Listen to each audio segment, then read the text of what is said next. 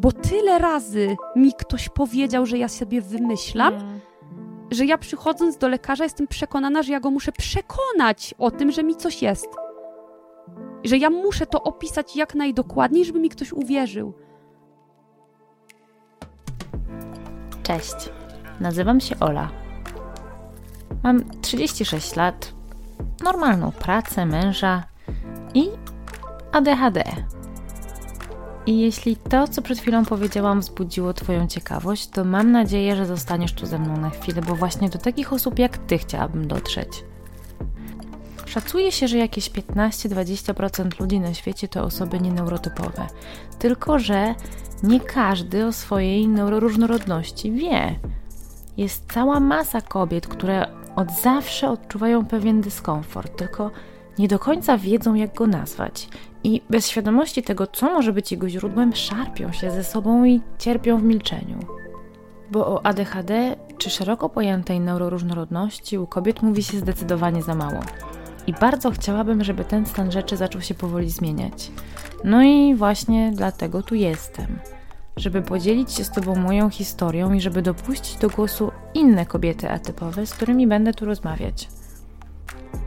Dzisiaj więc historia mojej kolejnej gościni.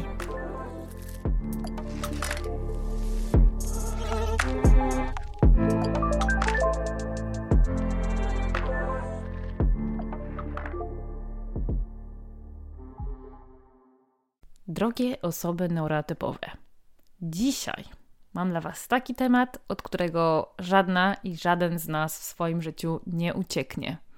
Dbanie o zdrowie. To fizyczne i to psychiczne. A rozmawiam o tym z Ewą Nowakowską, która o chorowaniu i o dochodzeniu swoich praw w ramach systemu ochrony zdrowia już co nieco wie. Ewa jest project managerką i producentką online wideo. Kiedyś pracowała w domu mediowym, a od 2017 roku pracuje bezpośrednio z osobami tworzącymi treści internetowe, które zapewne większość z Was miała okazję oglądać na różnych platformach. Ewa przeprowadziła dziesiątki sesji strategicznych i pomogła stworzyć setki materiałów. Ostatnie lata spędziła głównie współpracując z Dawidem Myśliwcem z kanału Uwaga Naukowy Bełkot, a aktualnie jest menadżerką chłopaków z podcastu Podcastex i współpracuje z kilkoma innymi osobami.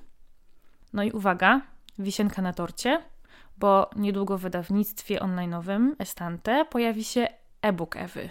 Jak tworzyć wideo do sieci i nie zbankrutować, a może nawet zarobić. Ewa sama powiedziała, że wszystko co robi udało jej się dzięki jej atypowości, a nie pomimo niej. Chociaż daleka jest od myślenia o atypowości jako supermocy. Z Ewą rozmawiamy o tym, jak trudno jest walczyć z systemem ochrony zdrowia w Polsce w ogóle, dochodząc swoich praw do bycia traktowaną z należytą uwagą, a często niestety również szacunkiem, zwłaszcza kiedy jest się kobietą. No bo która z nas nie słyszała nigdy, no, taka pani uroda. Dodatkowo, kiedy jest się kobietą neuroatypową, to poziom trudności często podnosi się o kilka stopni. To zresztą dotyczy również zdrowia psychicznego. Często po prostu trzeba sobie wychodzić. A jak wiadomo, przy zaburzeniach funkcji wykonawczych z tym wychodzeniem może być drobny problem.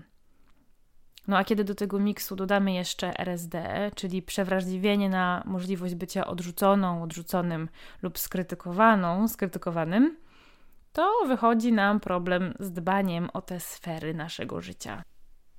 I o tym, a także o pracy na backstage'u tworzenia treści internetowych będziemy z Ewą rozmawiać. Aha, i powiem Wam jeszcze tak w ramach zbudowania kontekstu do początku naszej rozmowy, że ja miałam okazję spotkać się z Ewą face to face w czasie jej krótkiego pobytu w Londynie, parę dni przed naszym nagraniem. No i mogę potwierdzić, że jest tak samo fajną babką w realu, jak na swoim Insta. Poza tym chciałabym podziękować wszystkim osobom, które zdecydowały się do tej pory wesprzeć mnie i postawić mi wirtualną kawę. To dzięki Wam mogę dbać o to, żeby to, co robię, było robione na wyższym poziomie. A jeśli chciałybyście, chcielibyście mnie wesprzeć, to możecie to zrobić klikając w link, który widnieje na dole opisu tego odcinka albo w opisie profilu na moich socialach. No i już bez przedłużania, zapraszam Was do wysłuchania tej rozmowy. Cześć, Cześć, Ewa. Cześć, Ola. Nie wchodź mi w słowo. Czy ja mam... Dobrze. E, jeszcze raz, żeby było poprawnie. Cześć, Ewa. Cześć, Ola. Fajnie Cię widzieć po raz kolejny. Tym razem nie na żywo.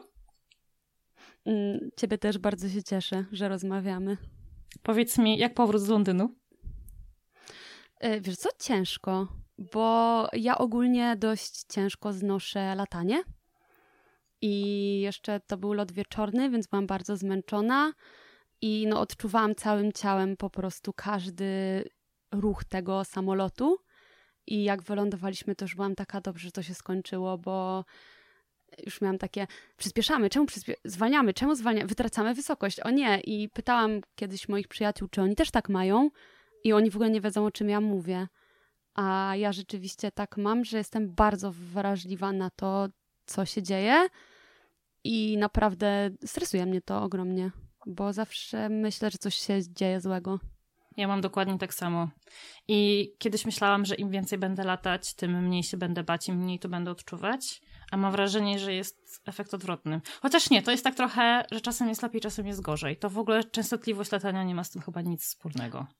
Ja się lepiej czuję rano zdecydowanie, jak lecę. O, To, to tak, a wieczorami jest gorzej, nie wiem czemu, ale zawsze staram sobie jak mantrę powtarzać taką myśl, że ta załoga, która leci ze mną, że to jest ich praca, w sensie, że oni to już robią cię czwarty raz, mają y, dzieci, zwierzątka i że jakby są, oni są poumawiani w ogóle tam na 20 na browara i to mi daje takie poczucie, że to jest coś, y, że to nie jest coś nadzwyczajnego, co się dzieje, że osoby, które się tym zajmują, tak jakby dla nich to jest w ogóle wtorek zwykły i trochę mi to daje, zawsze tak uspokaja na zasadzie, kurczę, to jest czyjaś praca, tak jak ktoś chodzi być kasjerem, y, sprzątaczką, tak ktoś chodzi być załogą samolotu i to mi tak trochę pomaga właśnie, że, że to jest dla mnie wielkie wydarzenie w ciągu dnia, a dla kogoś to jest wtorek.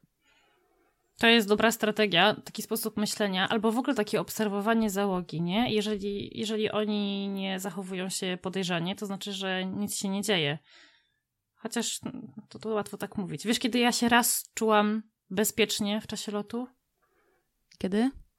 Jak leciałam z kolegą, który jest pilotem, który siedział koło mnie. A on mnie całą drogę podpuszczał i wiesz, tak mnie O nakręcał, nie. że o, o, właśnie słyszę jakiś dziwny, podejrzany dźwięk. O nie. Dla mnie to jest naprawdę. W sensie, ja wiem, że to jest często jakaś nadinterpretacja z mojej strony, albo właśnie to, że ja przesadnie odczuwam otoczenie, ale naprawdę w sensie. No to jest trudne. To jest trudne, żeby samą siebie, bo to jest taka dyskusja z samą sobą, y, że, że nic się nie dzieje, jest okej. Bo też wiadomo, że jak ty zaczniesz panikować w samolocie, to wszyscy zaczną panikować w samolocie. Tak. E, I to jest okropne. I ja też wiem, że nie chciałabym nigdy robić tego innym ludziom, żeby kogoś nakręcić na coś, więc staram się nie dość, że muszę sama siebie przekonać do tego, że nic, że nic się nie dzieje, to jeszcze do tego staram się tak jakby właśnie nie robić nikomu problemu. I to też jest takie. Nie masz wrażenia, że to jest trochę typowo ADHD-owe, że ty nie chcesz robić problemu Właśnie, nikomu? właśnie chciałam powiedzieć, to jest totalnie ADHD-owe. Totalnie. E, tak, ja mam tak całe życie. Ja sobie myślę, że ja bym, bym w Japonii by mi dobrze było po, ze względu na to. Okej. Japończycy są tacy, wiesz, w ogóle Mhm. jako grupa społeczna, że nie chcą nikomu wchodzić w drogę i robić problemu, więc pewnie, Mhm. pewnie bym się tam odnalazła. Nie, to ja nie aż tak, ale rzeczywiście, y, nie wiem, na jakąś taką mam zawsze dużą empatię do ludzi, szczególnie którzy są w pracy. Że jeżeli to jest czyjaś praca, to ja nie, nie lubię komuś tak, że kurde, przyjdzie ta baba, będzie coś męczyła.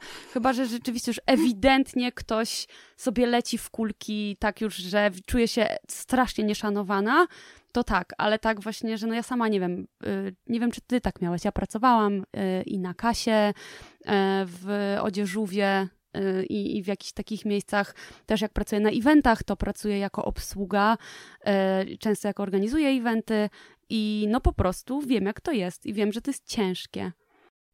Tak, tak. E, Czasem warto być po tej drugiej stronie przez jakiś czas, e, bo to pozwala tak naprawdę wejść w buty tej osoby.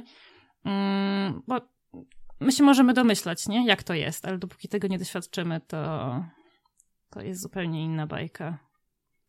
Tak. I super, że mnie zaprosiłaś. Ja z tobą chciałam pogadać o chorowaniu ADHD-owym trochę i to się łączy z tym, o czym teraz mówimy, też o, mocno o we wchodzeniu y, właśnie w buty tej drugiej osoby, bo będziemy zaraz o tym rozmawiać, że nie wszystkie osoby pracujące w ochronie zdrowia troszeczkę wiedzą, z czym nas sieje jako osoby nieneurotypowe. I z jednej strony my nie chcemy przeszkadzać i robić problemu, a z drugiej to, czego mnie nauczyło właśnie chorowanie jako ADHD, to jest to, że ja muszę o siebie zawalczyć. Że muszę się nauczyć robić problem i muszę się nauczyć robić duży problem, bo czasami bez tego nie otrzymam odpowiedniej pomocy medycznej i to jest dla mnie taka bardzo smutna realizacja. Mm, I to tak do, dokłada jeszcze do tego wszystkiego, z czym my się i tak musimy na co dzień mierzyć, więc domyślam się, że to nie jest, nie jest łatwe. Dobra, to już zdradziłaś, o czym będziemy, o czym będziemy gadać. Ale ja i tak chcę, żebyś ty mi najpierw opowiedziała mm -hmm. o tych wszystkich swoich diagnozach. Medycznych też, ale, ale, ale zacznijmy może od twojego ADHD i od twojego autyzmu. Mhm, tak, jak już powiedziałaś, ja jestem właśnie osobą e, z ADHD i w spektrum, w spektrum autyzmu. To już, e, już była e, jedna twoja nawet gościni. Dwie. A, nawet dwie, double diagnosed. E, dla mnie to jest ciekawe, bo rzeczywiście badania medyczne mówią, że tak naprawdę to kiedyś w ogóle myślano, że autyzm i ADHD się wykluczają, Y, a teraz tak naprawdę idziemy w tą stronę, że one współistnieją chyba. Większość badaczy idzie w stronę, że one współistnieją zawsze. Tylko to jest y, po prostu taki miks objawów, i w zależności od tego, które są bardziej aktywne, to ta atypowość. Ale to jest dla mnie bardzo ciekawe, jak y, daleko zaszliśmy przez te ostatnie lata. Jeżeli chodzi o mnie, kurczę, ja trochę jak słucham Twoich gościń, to mam wrażenie, że ile razy można powtarzać to samo, bo y, ja byłam tym dzieckiem, y, które strasznie dużo gadało. Ja byłam tą dziewczynką, której się nigdy nie zamykała buzia. I dla mnie to było bardzo krzywdzące, bo wszyscy mi mówili, Boże, ile ty gadasz, Boże, nie gadaj tyle. I było strasznie przykro, mm. kurde. Ja byłam dzieckiem i jeszcze miałam to takie high rejection sensitivity, czyli właśnie wysokie wyczulenie na, na odrzucenie, na to, że mnie ktoś nie lubi. I teraz, jak mam do czynienia z osobami, które mają na przykład nieleczone ADHD, to ja to słyszę. Ja słyszę to, że mam takie jejku, ile, jak intensywnie ty się wypowiadasz, ale no trochę mam wrażenie, że dla dziecka to jest jednak trochę inny komunikat, taki bardzo krzywdzący.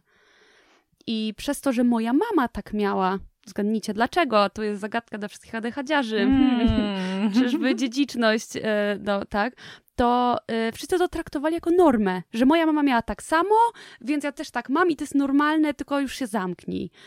I ja miałam ogólnie właśnie przez to ogromne problemy, bo ja na przykład straszliwie nudziłam się w podstawówce. W związku z tym robiłam wszystko. Śpiewałam, tańczyłam, e, jakieś tam ktoś potrzebny do przeczytania czegoś na jakiejś akademii, nie ma problemu. Ktoś potrzebny, żeby iść tam, nie wiem, po liście dla królika, super. Wyczyścić klatkę jakiegoś zwierzątka, to zawsze byłam ja.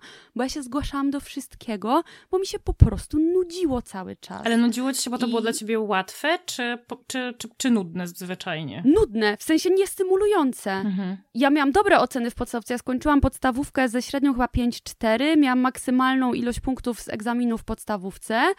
E, I rzeczywiście po prostu dla mnie to było. Ja nie chciałam siedzieć i słuchać. Nie, ja pójdę, ja zrobię, ja przyniosę. Gąbkę trzeba może zamoczyć, może trzeba tablicę zetrzeć, a może tam trzeba coś poukładać. I po prostu nauczyciele przez to, że ja się dość dobrze uczyłam zawsze, to no, ja też dlatego miałam takie dobre oceny, bo po prostu chodziłam, woziłam wszystkim w tyłek i a może to, a może tamto. I ludzie myśleli, że ja to robię, żeby mieć lepsze oceny, a ja to robiłam, bo nie mogłam usiedzieć. I przez to nie byłam tym niegrzecznym chłopcem, tylko byłam tą super dziewczynką, taką, co Boże, ona jest taka, e, e, tak się przykłada, w ogóle takie najlepsze dziecko. I co ciekawe, ja bardzo szybko znalazłam taki wytrych dla siebie, że ciekawe rzeczy dzieją się na backstage'u, ciekawe rzeczy dzieją się za kulisami. Więc jeżeli ci się nudzi, to dołącz do ludzi, którzy to robią, produkują, a nie do widzów.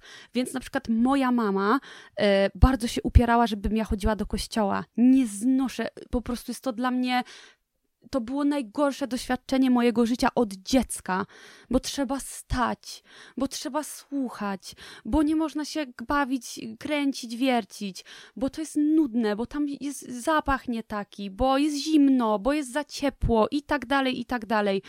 I po prostu dla mnie, co ja zaczęłam robić? Ja zaczęłam y, się zgłaszać do czytania Pisma Świętego, bo mogłam siedzieć na ławeczce, która jest za tym y, pulpitem do czytania, więc nikt na mnie nie patrzył, co ja robię, bo miałam co robić, bo wychodziłam i czytałam. I jakby byłam po tej drugiej stronie, więc widziałam, słyszałam ciekawe rzeczy, tak? I serio, ja po, mimo tego, że jestem niewierząca po prostu od dziecka i jak miałam iść do spowiedzi e, przed pierwszą komunią świętą, to dostałam ataku paniki i po prostu powiedziałam, że ja nie będę z jakimś obcym panem rozmawiała w jakiejś budzie za kratami. Oczywiście zostałam do tego zmuszona i do tej pory tego nienawidzę. To ja po prostu zaczęłam e, zgłaszać się do śpiewania psalmów i czytania pisma, bo to było jedyne dla mnie, żeby w ogóle takie sposób, żeby przetrwać. Hmm. Mój brat zasypiał zawsze po wejściu do kościoła. Dosłownie to był, to był najlepszy usypiacz na niego. On wchodził i wiesz, nie było go. Całą do widzenia, no. Znaczy, u mnie to był jeszcze ten case, że ja bardzo lubiłam śpiewać, bo ja jestem bardzo muzykalną osobą w ogóle też i byłam w podstawówce w klasie muzycznej. E, mam też bardzo dobry słuch muzyczny, więc dla mnie chociaż tyle. Mogłam sobie pośpiewać bardzo głośno piosenki i nikt y, jakby się, no takie karaoke dla, dla, dla adechadziarzy, no bo śpiewasz i jest okej, okay, nie? I się nie czepiają ciebie. E, tak, ale mam wrażenie, że ja od dziecka takie wytrychy znajdowałam w tym, że okej, okay, muszę tu być, bo zmuszają mnie, więc znajdź w tym to, to, co ciebie interesuje. I ja się często śmieję z tego, że dla mnie ADHD to jest robienie rzeczy na wysokim poziomie, mimo tego, że nie znasz podstaw. Że ja na przykład definicja. chodziłam na chodziłam na olimpiadę z matematyki na przykład i ja potrafiłam robić jakieś mega skomplikowane zadania, a wywalić się na jakimś podstawie, bo nie doczytałam polecenia, bo y, w głowie mi się przestawiły cyferki albo litery. Mm, byłam na wielu olimpiadach w swoim życiu, nigdy nie zajęłam żadnego dobrego miejsca, właśnie przez to, że na przykład poszłam na olimpiadę z polskiego w gimnazjum, było za zadanie napisać opowiadanie, a ja napisałam rozprawkę, bo źle przeczytałam polecenie. I do widzenia. I jakby i, I zawsze było to no, standardowe też zdolna, ale leniwa, że to taki szałaput jest, co to nie doczyta do końca, a już jest w połowie robienia. I tak było, no rzeczywiście, tylko no to nie było, to nie jest moja wina, nie? W sensie, kurde, trzeba było mi dać leki w 92, tośmy inaczej rozmawiali. Tak, tak, tak, dokładnie. No ale dobra, no to yy, wiadomo, że takie były czasy, że nie było szans na to, żebyś dostała te leki. A kiedy, mhm. kiedy je dostałaś? Jak to się stało? Wiesz co, ogólnie właśnie dlaczego zaczęłam od tej szkoły podstawowej, bo wtedy się też zaczęły moje problemy psychiczne. W sensie ja wtedy już miałam na przykład ataki lękowe i szczególnie na przykład bardzo źle na mnie wpłynęły zamachy terrorystyczne z 11 września.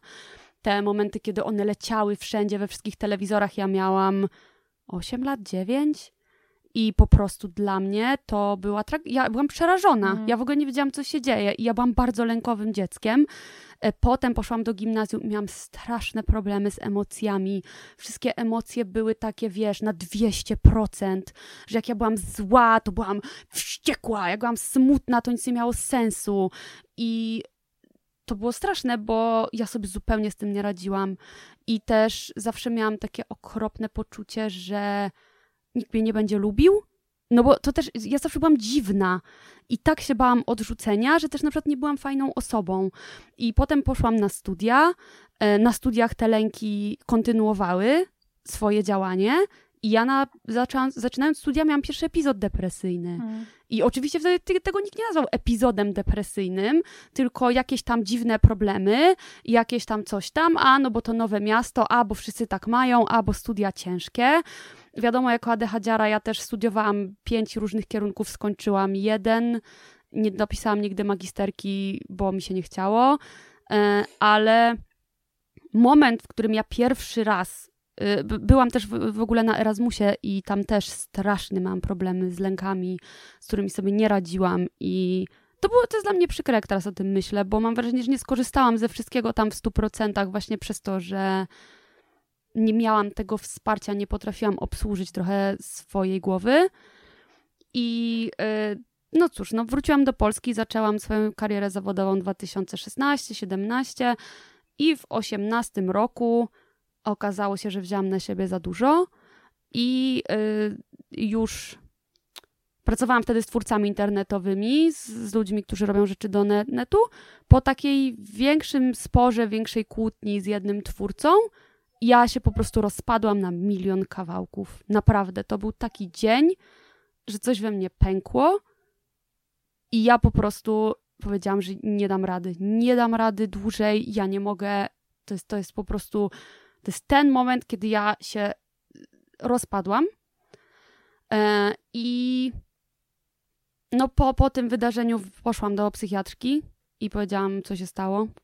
Powiedziałam, że ja nie mam już siły, że ja całe życie tak mam, że ja całe życie y, jestem właśnie w tym lęku, w tym wszystkim trafiłam na fantastyczną psychiatrkę, e, która powiedziała: OK, tutaj są leki, tutaj jest psychoterapia, będzie, będzie super. A, no i proszę o te, o ograniczyć pracę zawodową, bo ja wtedy bardzo dużo pracowałam. Mhm. E, I ona powiedziała, że 6 godzin dziennie to jest maks. Ja nie mogę więcej pracować, bo to się źle skończy. Bo ja za dużo na siebie biorę, biorę na siebie za dużo odpowiedzialności. E, I rzeczywiście zastosowałam się do tego. Bardzo mi to pomogło. Starałam się jakby z tego wyjść. Mm, było trochę lepiej. E, terapia mi też w ogóle bardzo pomogła nauczyć się stawiać granice, no, przepracować to, co mam do przepracowania i tak dalej. No ale ta depresja w listopadzie 2019 ona wróciła. I ona tak wróciła, tak, że ona mnie tak skopała po prostu no skopała mnie do, do granic już, że to pamiętam to bardzo dobrze, bo ja byłam wtedy w trasie, e, gdzie z Dawidem Myśliwcem robiliśmy 13 wykładów po Polsce. I ja wtedy w tej trasie w listopadzie byłam w 13, robiłam 13 wykładów w całej Polsce, w różnych miastach. I ja byłam w najgorszym stanie psychicznym ever. Po prostu to był taki moment, że mm, jakby to, to jest ten taki typ myśli o y, zakończeniu własnego życia, że ty nie chcesz sobie nic zrobić. Ja w ogóle nie wiedziałam, że to są tego typu myśli. Dopiero psychiatrka mi to uświadomiła, ale jakby coś się tobie stało, to spoko że ja tylko chcę odpocząć, ja tylko chcę leżeć.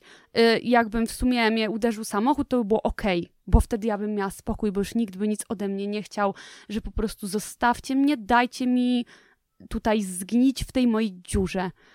I rzeczywiście to był dla mnie taki moment, że ja y, stwierdziłam, że okej, okay, tak nie może być dalej, bo jakby to, to już jest. Są dwa wyjścia, w jedną albo w drugą, i ja nie chcę iść w tę gorszą stronę.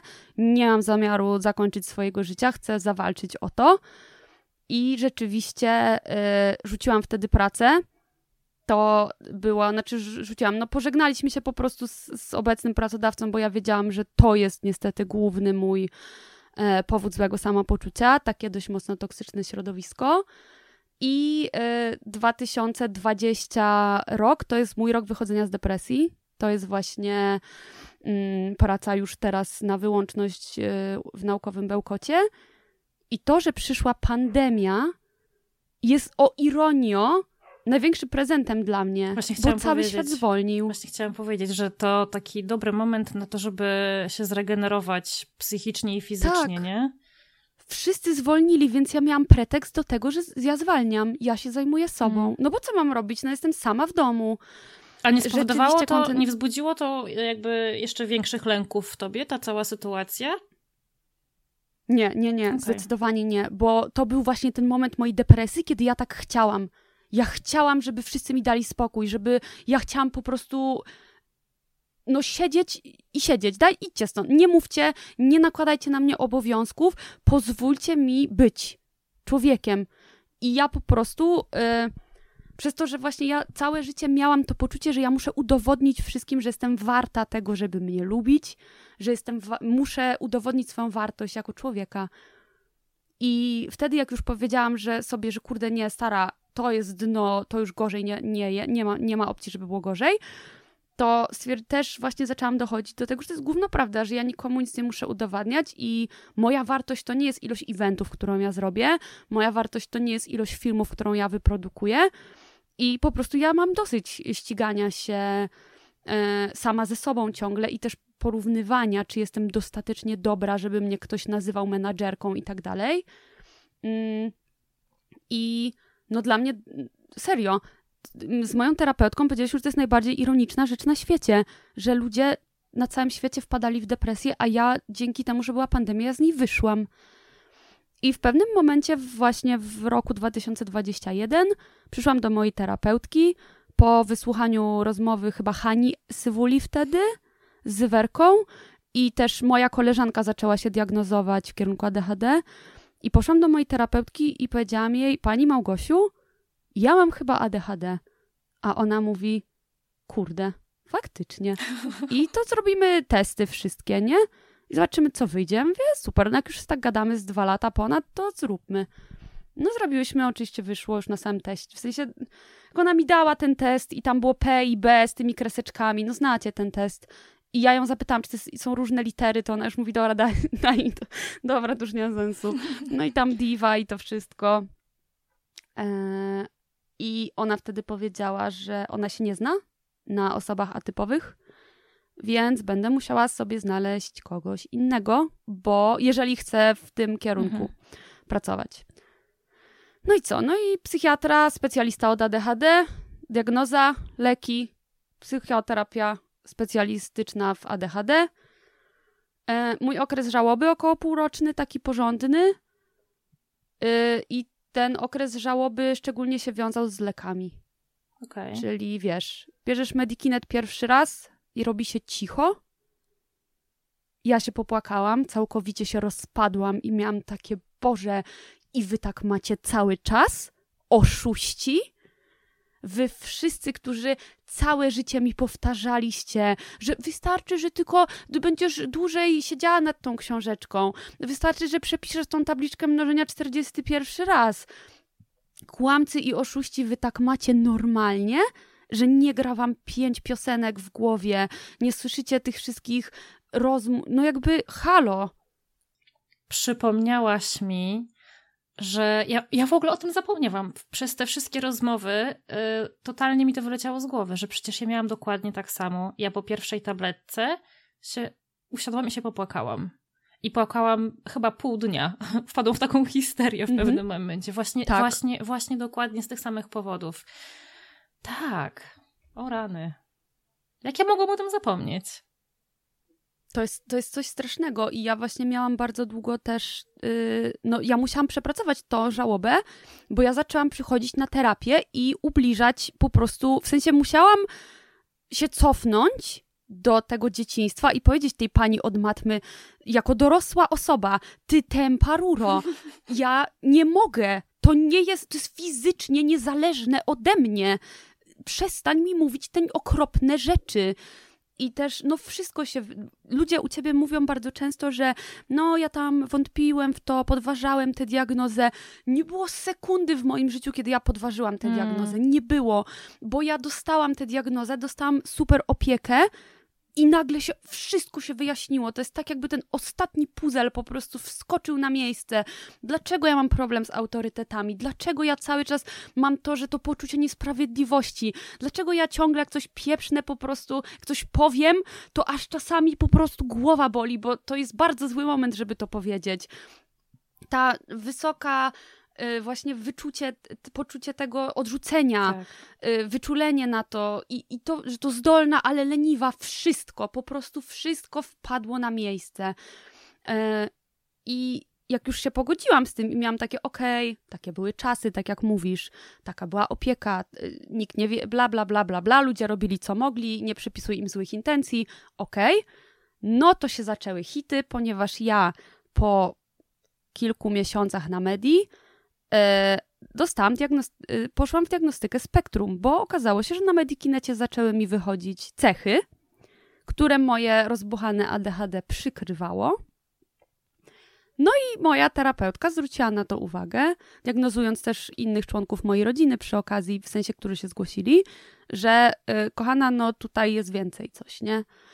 Więc ja nie dość, że przeszłam przez tą diagnostykę ADHD, gdzie, no wiesz, i ludzie, którzy nas słuchają, wiedzą, że to jest bardzo często do, dodrapywanie się do najboleśniejszych momentów w życiu. Tak. To potem przeszłam to drugi raz, jeszcze z tym spektrum. I moja mama jeszcze w to była zaangażowana. I w ogóle, no jakby to był taki 2021, to był taki rok po prostu grzebania w ranie takim brudnym patykiem i takiego, Jezu, jak mnie to zmęczyło.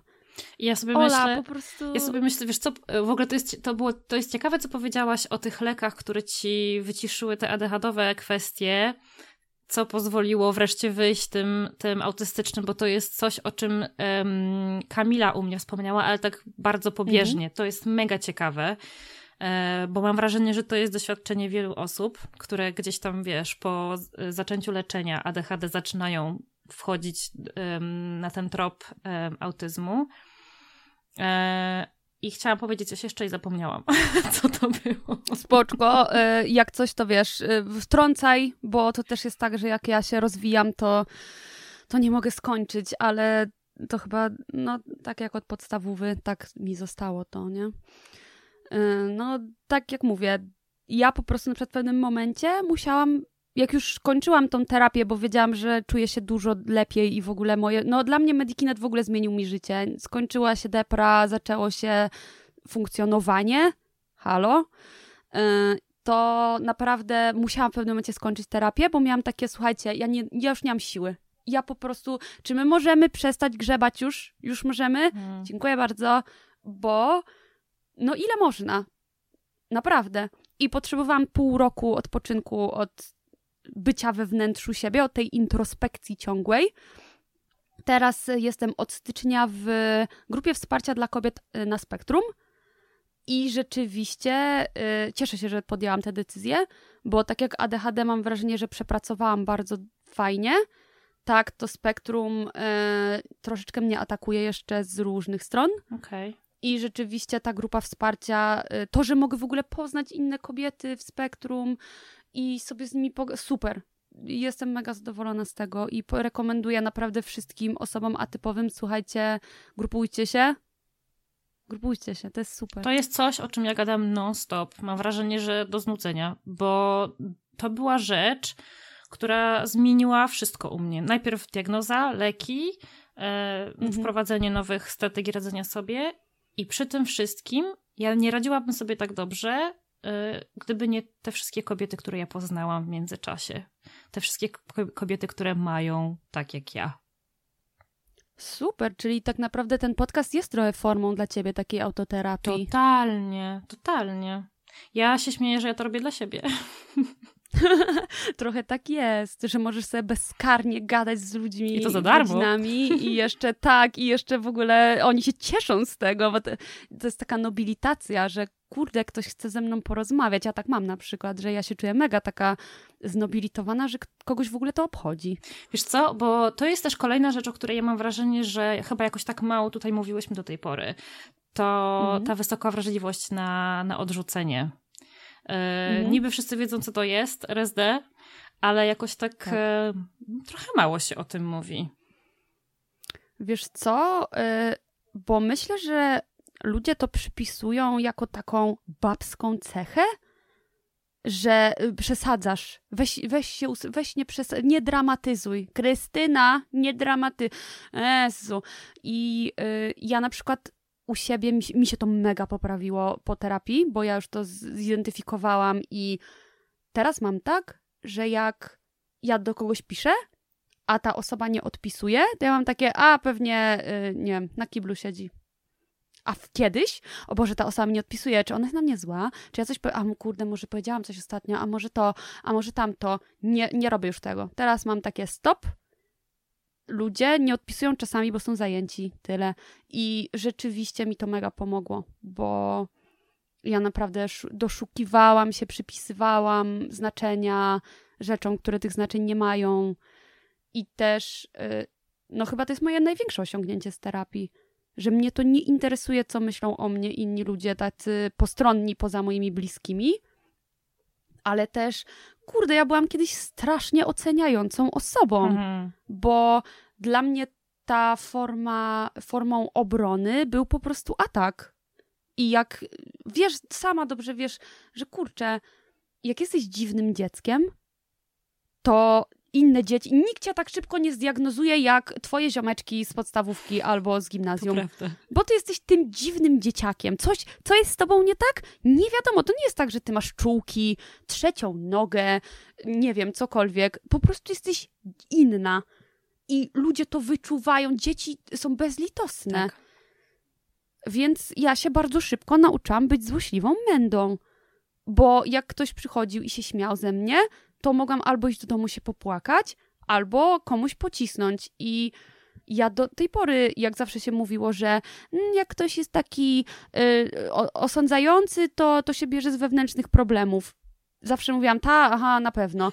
A w momencie, kiedy ja poszłam na terapię, to się okazało, że oczywiście, że tak. Wszyscy przykrywamy nasze niedociągnięcia, nasze niedoskonałości ocenianiem innych.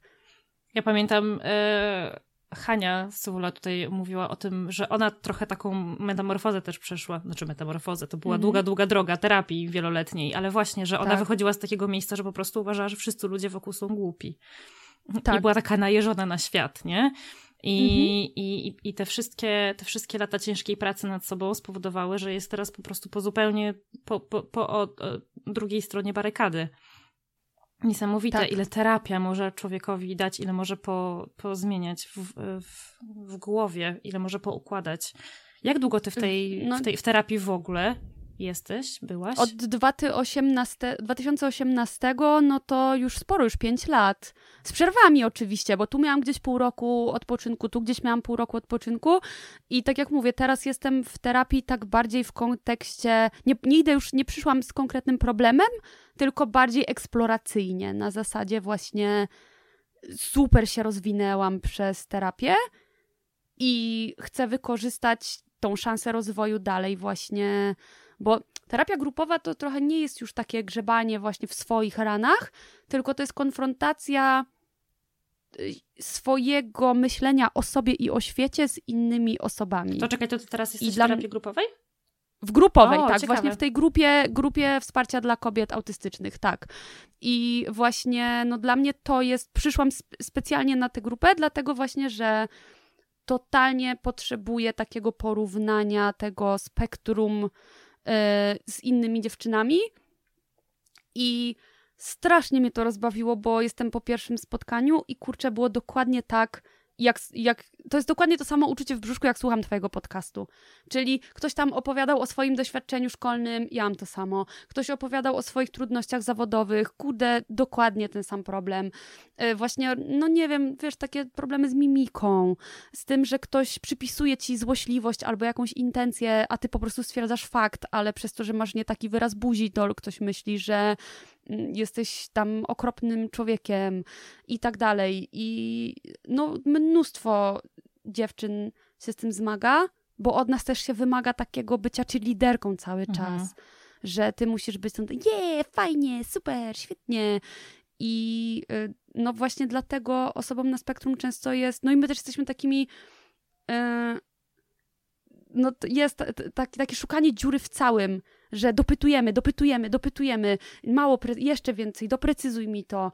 I to też takie, Jezu, daj już spokój, a ty masz takie, ale nie rozumiesz, że to jest o 42 pytanie, jest już za dużo, nie? I dlatego właśnie super mi jest yy, na razie w tej grupie, zobaczymy jak to będzie dalej, ale serio, to jest wow.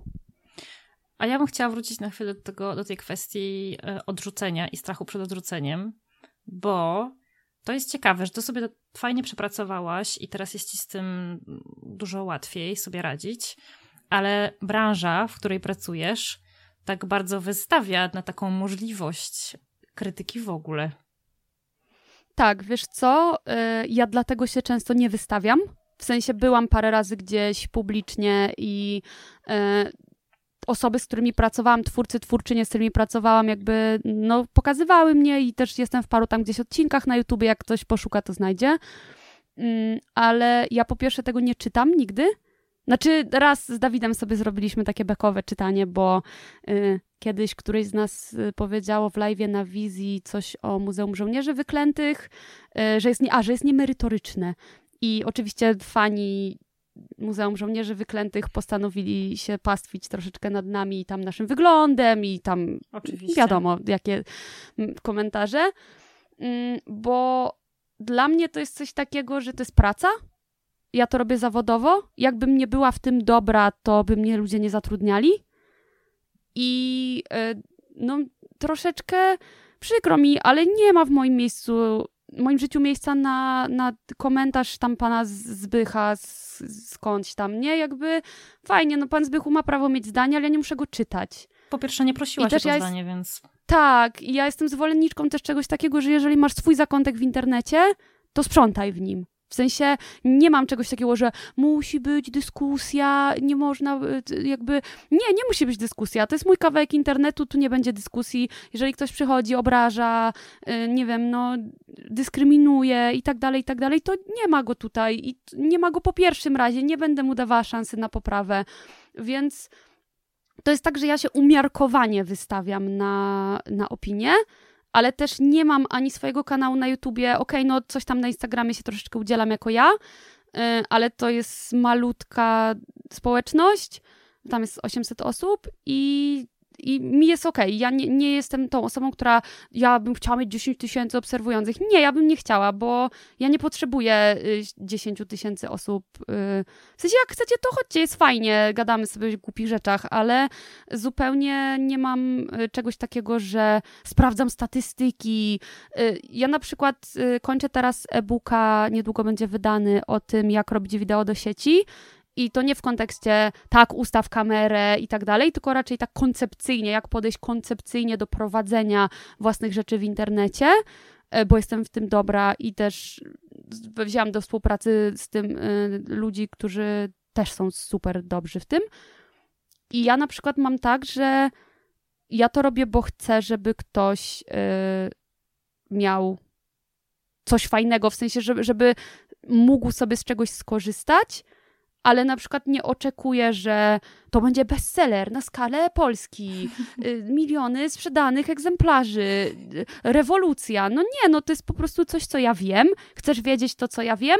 Proszę bardzo, możesz sobie to ode mnie kupić. Dla mnie super, będę miała na leczenie mojego chorego pieska. Y, ale też właśnie mówię, no nie mam tego parcia. Ja nie chcę być osobą super publiczną, nie chcę być frizem zupełnie.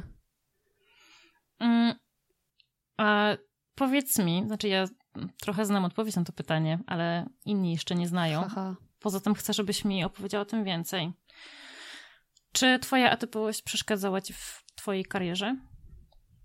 Na różnych Strasznie etapach? tak. Oczywiście, że tak. Przeszkadzała mi, ponieważ ja nie rozumiem dlaczego, że dzieją się niektóre rzeczy. Nie rozumiem, dlaczego nie powinnam. Teraz już rozumiem, bo jestem po pięciu latach terapii i tak dalej. Ale jak zaczynam pracę, to ja byłam tą osobą, która ja chcę wszystko szybciej, lepiej, mocniej. I ja nie wiem, dlaczego ktoś mi nie pozwala czegoś ulepszyć. Dlaczego ludzie nie chcą wprowadzać zmian, które coś przyspieszą? Dlaczego ktoś mi powiedział, że ja nie mam prawa w ogóle się wypowiadać na jakiś temat, bo jestem za młoda, bo jestem kobietą, Byłam kiedyś na spotkaniu, jak pracowałam z Krzyśkiem Gonciarzem, byłam kiedyś na spotkaniu w firmie, e, w której, no ja byłam szefową tej produkcji i w korporacji mi powiedzieli, że następnym razem, jak przyjdę na spotkanie, to było a propos kanału całego dla tej firmy, który ja prezentowałam. Mieliśmy nagrane już wstępnie cztery odcinki i pokazywaliśmy im do akceptu. Powiedzieli, żebym przyszła następnym razem z kimś starszym, a najlepiej to z facetem, bo będą jacyś członkowie zarządu, a oni nie uznają mojej opinii e, jako okej, okay, więc żebym z kimś. Ja to słyszałam wielokrotnie. Boże, jak mnie to I do teraz, doprowadza. Tak. I teraz jestem na tym etapie, że ja powiem, dzień dobry, ja to, to ja włączę nagrywanie, pani to powtórzy drugi raz, dobra? Dzięki, fajnie. A wtedy ja miałam takie, ja ci pokażę, ja się zacharuję na śmierć, hmm. ale ja ci udowodnię, że jestem warta tego, żeby być w tym pokoju. Co doprowadziło do mojego drastycznego wypalenia i dwóch lat po prostu główna w głowie.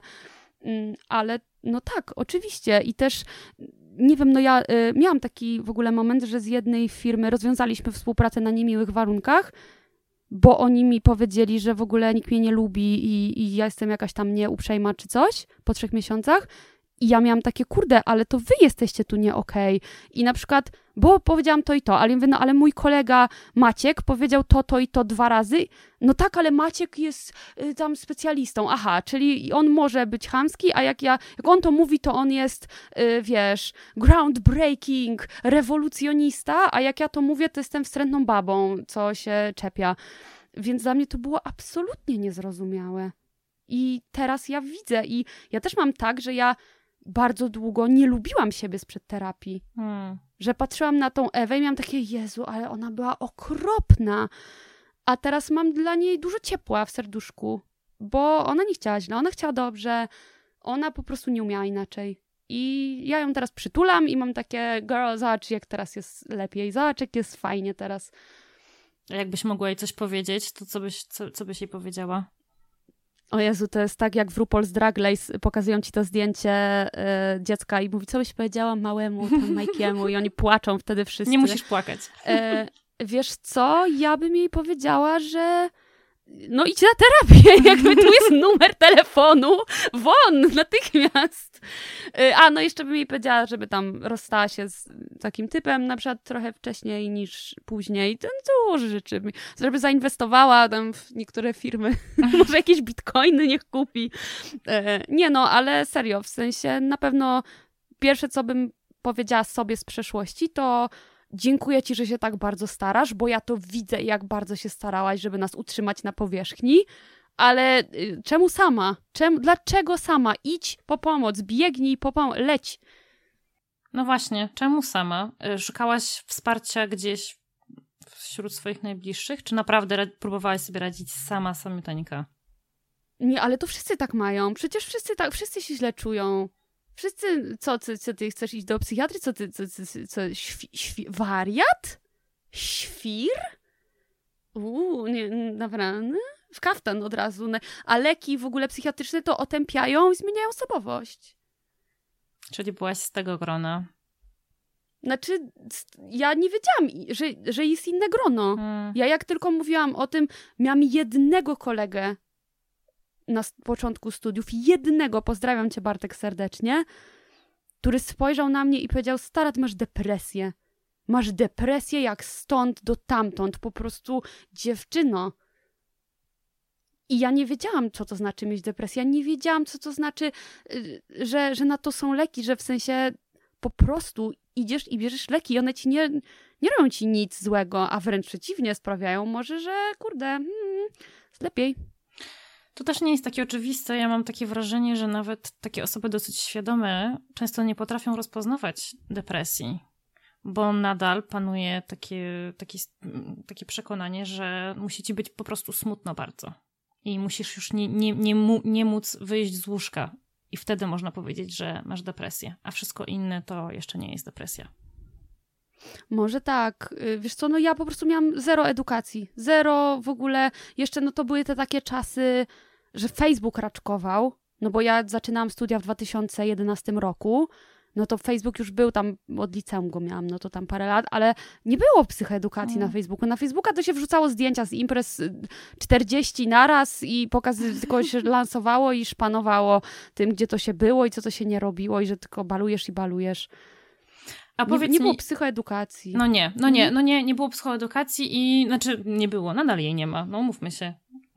Jakby, jeżeli znaczy, ludzie się co, no... psychoedukują na własną, na własną rękę. Tak, na własną. Systemowej nie ma absolutnie tak. Psychoedukacja na własną rękę, tak. Hmm. Um, a jak to się stało, że ty w ogóle zaczęłaś zajmować się tym, czym się zajmujesz? Mówisz teraz o mojej pracy produkcyjno... Tak. Wiesz co, no to jest dokładnie to, co ci powiedziałam na początku, czyli szkoła podstawowa. Ewa się zorientowała, że na backstage jest fajnie. Więc ja szukałam miejsca, gdzie ja mogę robić te fajne rzeczy. I się okazało, że kurde, możesz pracować z youtuberami, możesz pracować z nimi w domu mediowym, ale to jest bardzo odległa praca. Możesz pracować z nimi w agencji, to już trochę bliżej, to już produkowałam jakiś tam kanał dla jakiejś marki, okej, okay, już lepiej. A możesz pracować dla twórcy w ogóle u niego i z nim robić fajne rzeczy. Jeszcze jeżeli się zgadza, bo dla mnie to jest w ogóle mega ważne, żeby wartości się zgrywały. Mhm. Że ja na przykład no, dla mnie takie rzeczy jak to, żeby ktoś nie był, nie wiem, rasistą, homofobem, takie podstawowe rzeczy to jest w ogóle, żeby nie robił kontentu szkodliwego, dlatego też właśnie, y, czy, czy ten osoby pracujące w nauce, czy teraz pracuję z chłopakami z Podcasteksu, bardzo was pozdrawiam, chłopaki, no dla mnie to jest kontent najwyższej jakości i dla mnie zawsze to było ważne, żeby to też było coś, co ja sama oglądam, a nie jakieś randomowe rzeczy, I no, no to jest to. Ja, dla mnie to jest super praca, bo najpierw robisz koncepcję, potem y, kupujesz te wszystkie rzeczy, budujesz plan, albo idziesz na ten plan, planujesz, y, potem y, kręcisz te wszystkie rzeczy, potem masz produkcję, postprodukcję. Jakby to wszystko jest super, bo masz dużą zmienność, nie nudzi ci się, masz sprawczość tak jak wymyślisz, tak będzie, tak jak zrobisz, tak będzie. Jak się okazuje, że w moim Zoomie, na który się teraz nagrywam, skończą się baterie za chwilę, to będą skończone. Wszystko zależy ode mnie i to było dla mnie świetne, bo w końcu ktoś wykorzystuje moje możliwości. A nie mnie sadza przed komputerem i mówi, tu jest tabelka, proszę do niej wpisywać cyferki.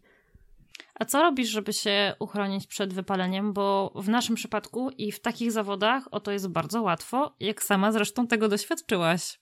Mhm. Wiesz co, robię przerwy yy, i też mam płodozmian spory, bo yy, dla mnie teraz, kiedyś praca to było życie, że jakby życie to praca, praca to życie.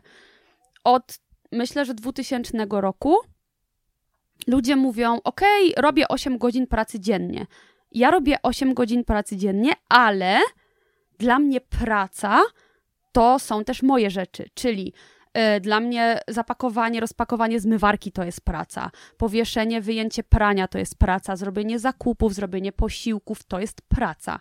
Ponieważ ja tego nie lubię robić, nie chcę tego robić, muszę to zrobić i ja to wliczam w te 8 godzin pracy.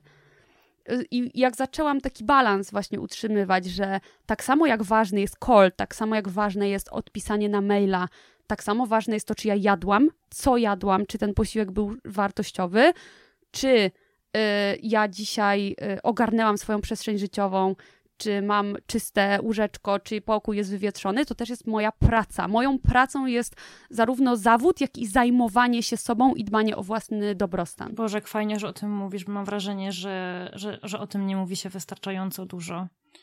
Czy to jest też jedna z tych rzeczy, którą wyniosłaś z terapii?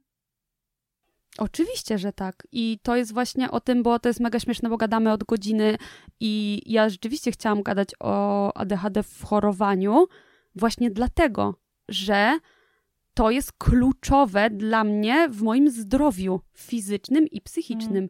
że nie ma czegoś takiego, że ja się sobą to mogę zająć po robocie. Nie, bo beze mnie nie będzie roboty. Jak coś ma być zrobione, to ja muszę być wyspana, muszę być najedzona, muszę wziąć leki, w odpowiedniej ilości, o odpowiedniej godzinie, muszę mieć przerwę, muszę mieć dobrze wywietrzone pomieszczenie i tak dalej, i tak dalej. Nie może być tak, że mm, ja poświęcam swoje zdrowie fizyczne i psychiczne dla realizacji jakiegoś celu. Robiłam to przez lata, dziękuję, postoję, bo ja nie będę łatać tego potem drugi raz. No, a trochę już masz i tak do załatania, więc właśnie, może faktycznie czas przejść do tej części, o której chciałaś rozmawiać po godzinie. Znaczy, e, jak wiesz, to jest z tym chorowaniem twoim właśnie? Wiesz co, ja od bardzo młodych lat mam problemy z hormonami, z zaburzeniami hormonalnymi e, i też w mojej rodzinie jest cukrzyca, więc to też y, ogólnie jest tak, że słuchajcie, wszyscy, wszystkie osoby, które słuchają, następnym razem, jak będziecie w swoich domach rodzinnych, rodzinnych stronach, idźcie, przejdźcie się po rodzince, po babciach, dziadkach, mamach, ciociach, wujkach i zapytajcie ich, na co chorują. Dlaczego?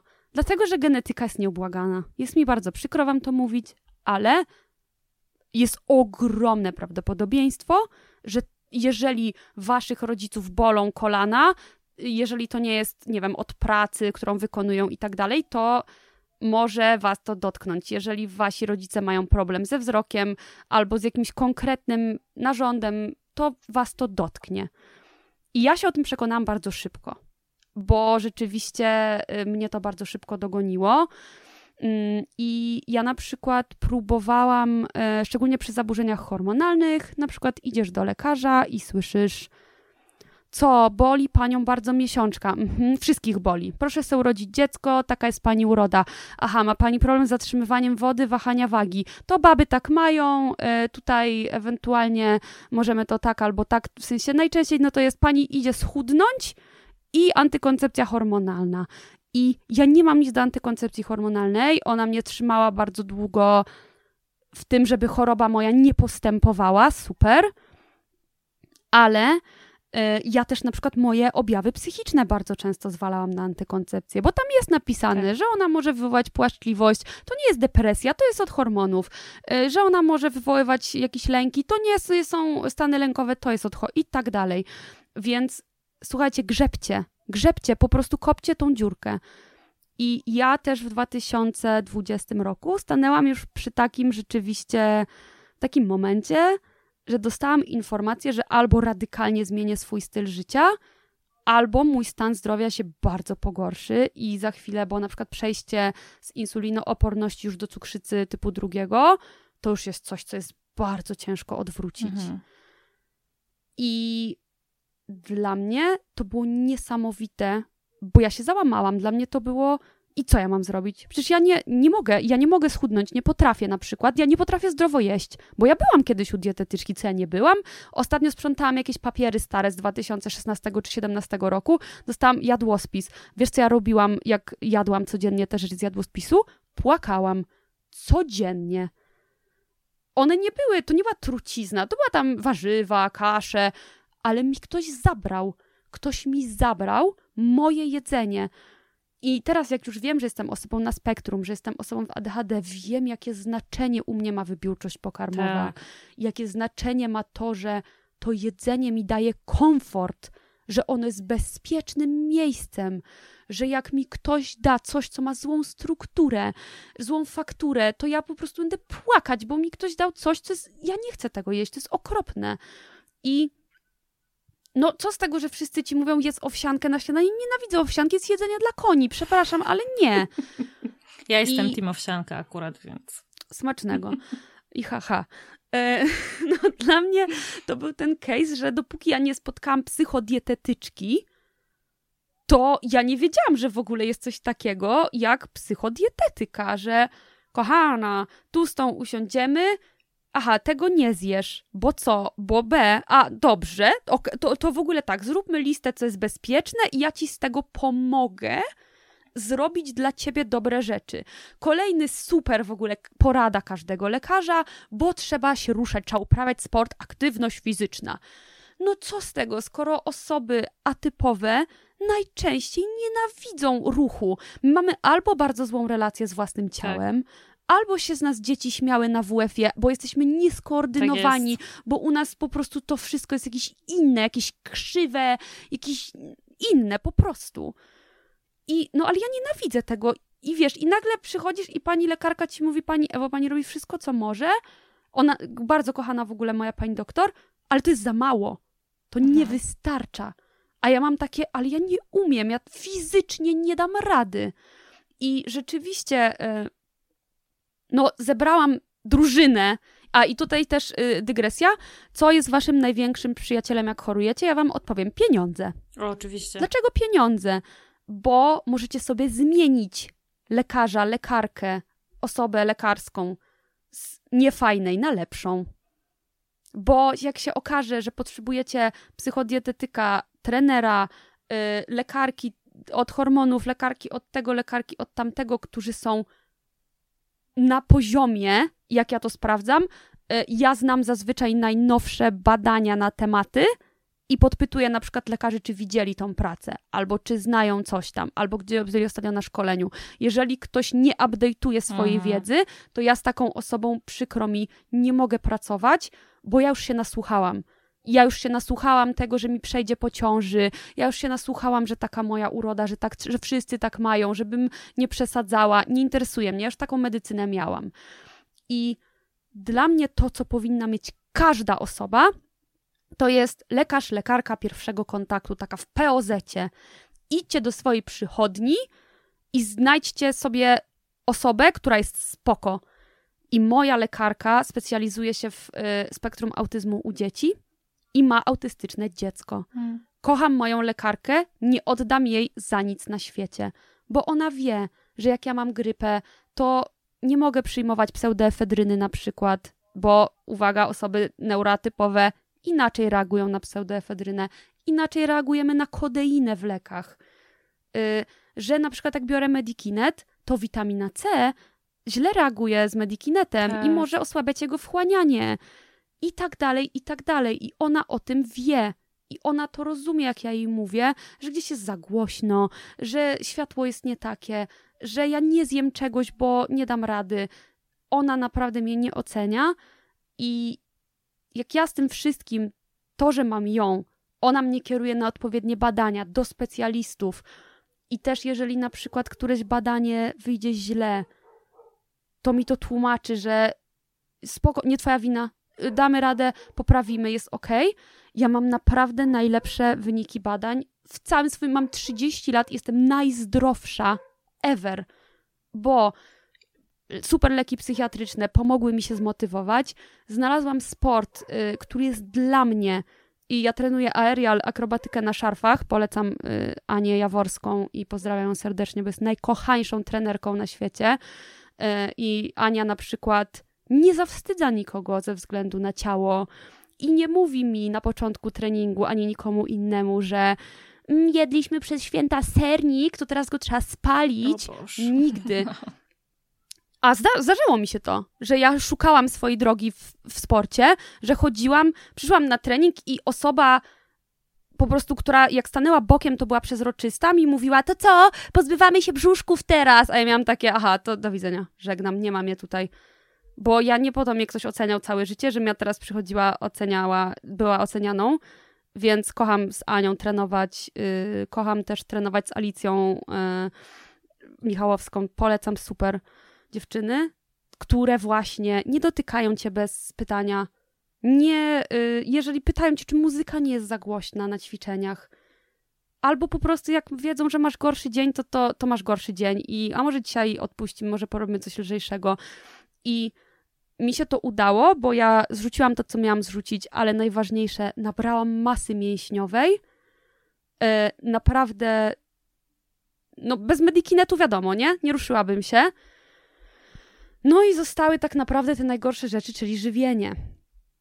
Bo to jest właśnie, no mówię, kolejna pułapka na osoby nie neurotypowe, czyli właśnie to, że wszyscy ci powiedzą, ale przecież wystarczy, że będziesz miał deficyt kaloryczny, ale wystarczy to, ale wystarczy tamto. Wszystkie wskazówki są dla osób y, neurotypowych. Tak. Wszystkie. I no to jest po prostu straszne. I to też jest dla mnie na przykład to, że ludzie mają takie, Boże, skąd się bierze na przykład y, tak zwane szurstwo, foliarstwo i taka nieufność do nauki? Z tego, że my bardzo często idziemy do lekarzy i zostajemy upokorzeni, że ktoś nam y, unieważnia nas. Ktoś nam mówi, że y, po prostu sobie wymyślamy, bo to jest niemożliwe, żeby aż tak bolało. I potem ja się nie dziwię, że ludzie wolą wierzyć w jakąś medycynę alternatywną, bo skoro pójdą do lekarza i lekarz znowu im ubliży, no to kurde, no nie dziwmy się, że, że tak jest, że finalnie ludzie tym pracownikom ochrony zdrowia no nie ufają po prostu. To raz, a dwa, wiesz, jeżeli ty idziesz do lekarza i chcesz dostać odpowiedź na pytanie, dlaczego jest ze mną tak, jak jest, a tej tak. odpowiedzi nie dostajesz i tylko ktoś przykleja ci plasterek na objawy, no to jak można zaufać takiej osobie, tak. jak można zaufać takiej instytucji? No i to też jest takie kluczowe, że u osób nieneurotypowych występują bardzo często stres i lęk. My jesteśmy zdecydowanie bardziej zestresowanymi ludźmi. Tak. W związku z tym masz wszystkie somatyczne objawy stresu, tak? Boli cię w klatce piersiowej, boli cię, nie wiem, bóle głowy masz częściej, cokolwiek. I już lekarz ci powie, albo y, trzeba, nie przeżywaj. tak. Bo jak coś jest somatycznym objawem stresu, to jest wymyślone. I też no, są przecież badania, które pokazują, że osoby nieneurotypowe o wiele częściej chorują na dolegliwości związane z przewodem pokarmowym. Absolutnie. Zespół jelita drażliwego, mam wrażenie, że połowa moich znajomych atypowych zespołu jelita drażliwego. I proszę się nie stresować. No dziękuję bardzo, uleczył mnie pan 500 złotych. No właśnie o to chodzi, że to wszystko jest kompleksowe, yy, że właśnie my na przykład mamy absurdalny problem z systematycznością. Mhm że y, wystarczy zmienić nawyk. No dziękuję serdecznie za to oświecenie. I ja na przykład, słuchaj, w ogóle mam tak, że u mnie leki, ja muszę je widzieć. Żeby brać leki, muszę je tak. widzieć. I tego też się dowiedziałam ze wszystkich ADHD-owych forów i porad i TikToków, że jak leki nie leżą tam, gdzie ja je widzę, czyli na przykład tam, gdzie jem śniadanie, to one tam leżą, żebym je wzięła z jedzeniem, to ja ich nie wezmę. I tutaj fantastyczna dygresja. Ja mam dwa pieski. E, I kiedyś moje pieski ściągnęły ze stołu witaminę D3, tabletki, i ją zeżarły. O rany. E, w związku z tym, że witamina D3 się odkłada w organizmie, no to pobiegłam z nimi do weterynarza. Miałyśmy wywo wywoływane wymiotowanie, bo ja je znalazłam z tymi tabletkami w buzi, więc jeszcze był ten czas, żeby to zrobić. I weterynarka powiedziała, wie pani co, pani trzyma gdzieś te witaminy tak, żeby one poza zasięgiem, żeby nie mogły tego jeść. I ja schowałam te witaminy D3. I byłam teraz na badaniach. E, okazało się, że mam absurdalny niedobór witaminy D3. Moja, mój poziom witaminy D wynosi 15. I mój lekarz mówi, pani Ewo, co się dzieje? Pani suplementuje? A ja mówię, wie pan co? Nie. Bo schowałam, żeby psy nie, nie zabierały i, i, i nie suplementuję. I tak to jest. I na przykład mój lekarz teraz to rozumie, bo ja mu powiedziałam, mówię, kurde, przepraszam, ale rzeczywiście tak jest, bo ja jak nie widzę tych leków, to ich nie wezmę. Co z oczu to serca. To jest taka zasada, o której to prawda, że to tak jak się nie doszuka gdzieś na TikToku albo na jakiejś grupie, to można, można sobie z tego nie zdawać sprawy. A wiesz, o czym ja jeszcze sobie pomyślałam? Bo ty tak e, mówiłaś mhm. o tym, że właśnie, że pieniądze pomagają w dotarciu do takich osób, które które się na nas znają i wiedzą, um, co z czym się Znaczy, je. pieniądze dają wybór, nie? To, że dotarcie, na, na pewno jest mnóstwo specjalistów, specjalistek na NFZ, bo ja też takich mam. Ale pieniądze pozwalają ci zmienić tak. lekarza, jeżeli trafisz na nieodpowiednią osobę. Tak, ale ja sobie myślę o jeszcze innej rzeczy. Ja sobie myślę o tym, jak trudno mhm. nam jest y, dotrzeć do takich osób w ogóle, jak trudno nam jest je znaleźć, bo tak po pier pierwsze, pierwszą przeszkodą już jest motywacja do tego, żeby w ogóle o siebie zadbać. E, tak a propos jest początek roku, ludzie, ludzie idźcie sobie, zróbcie badania okresowe. Idźcie, zróbcie tak, sobie badania tak. krwi, sprawdźcie, czy wszystko z wami ok.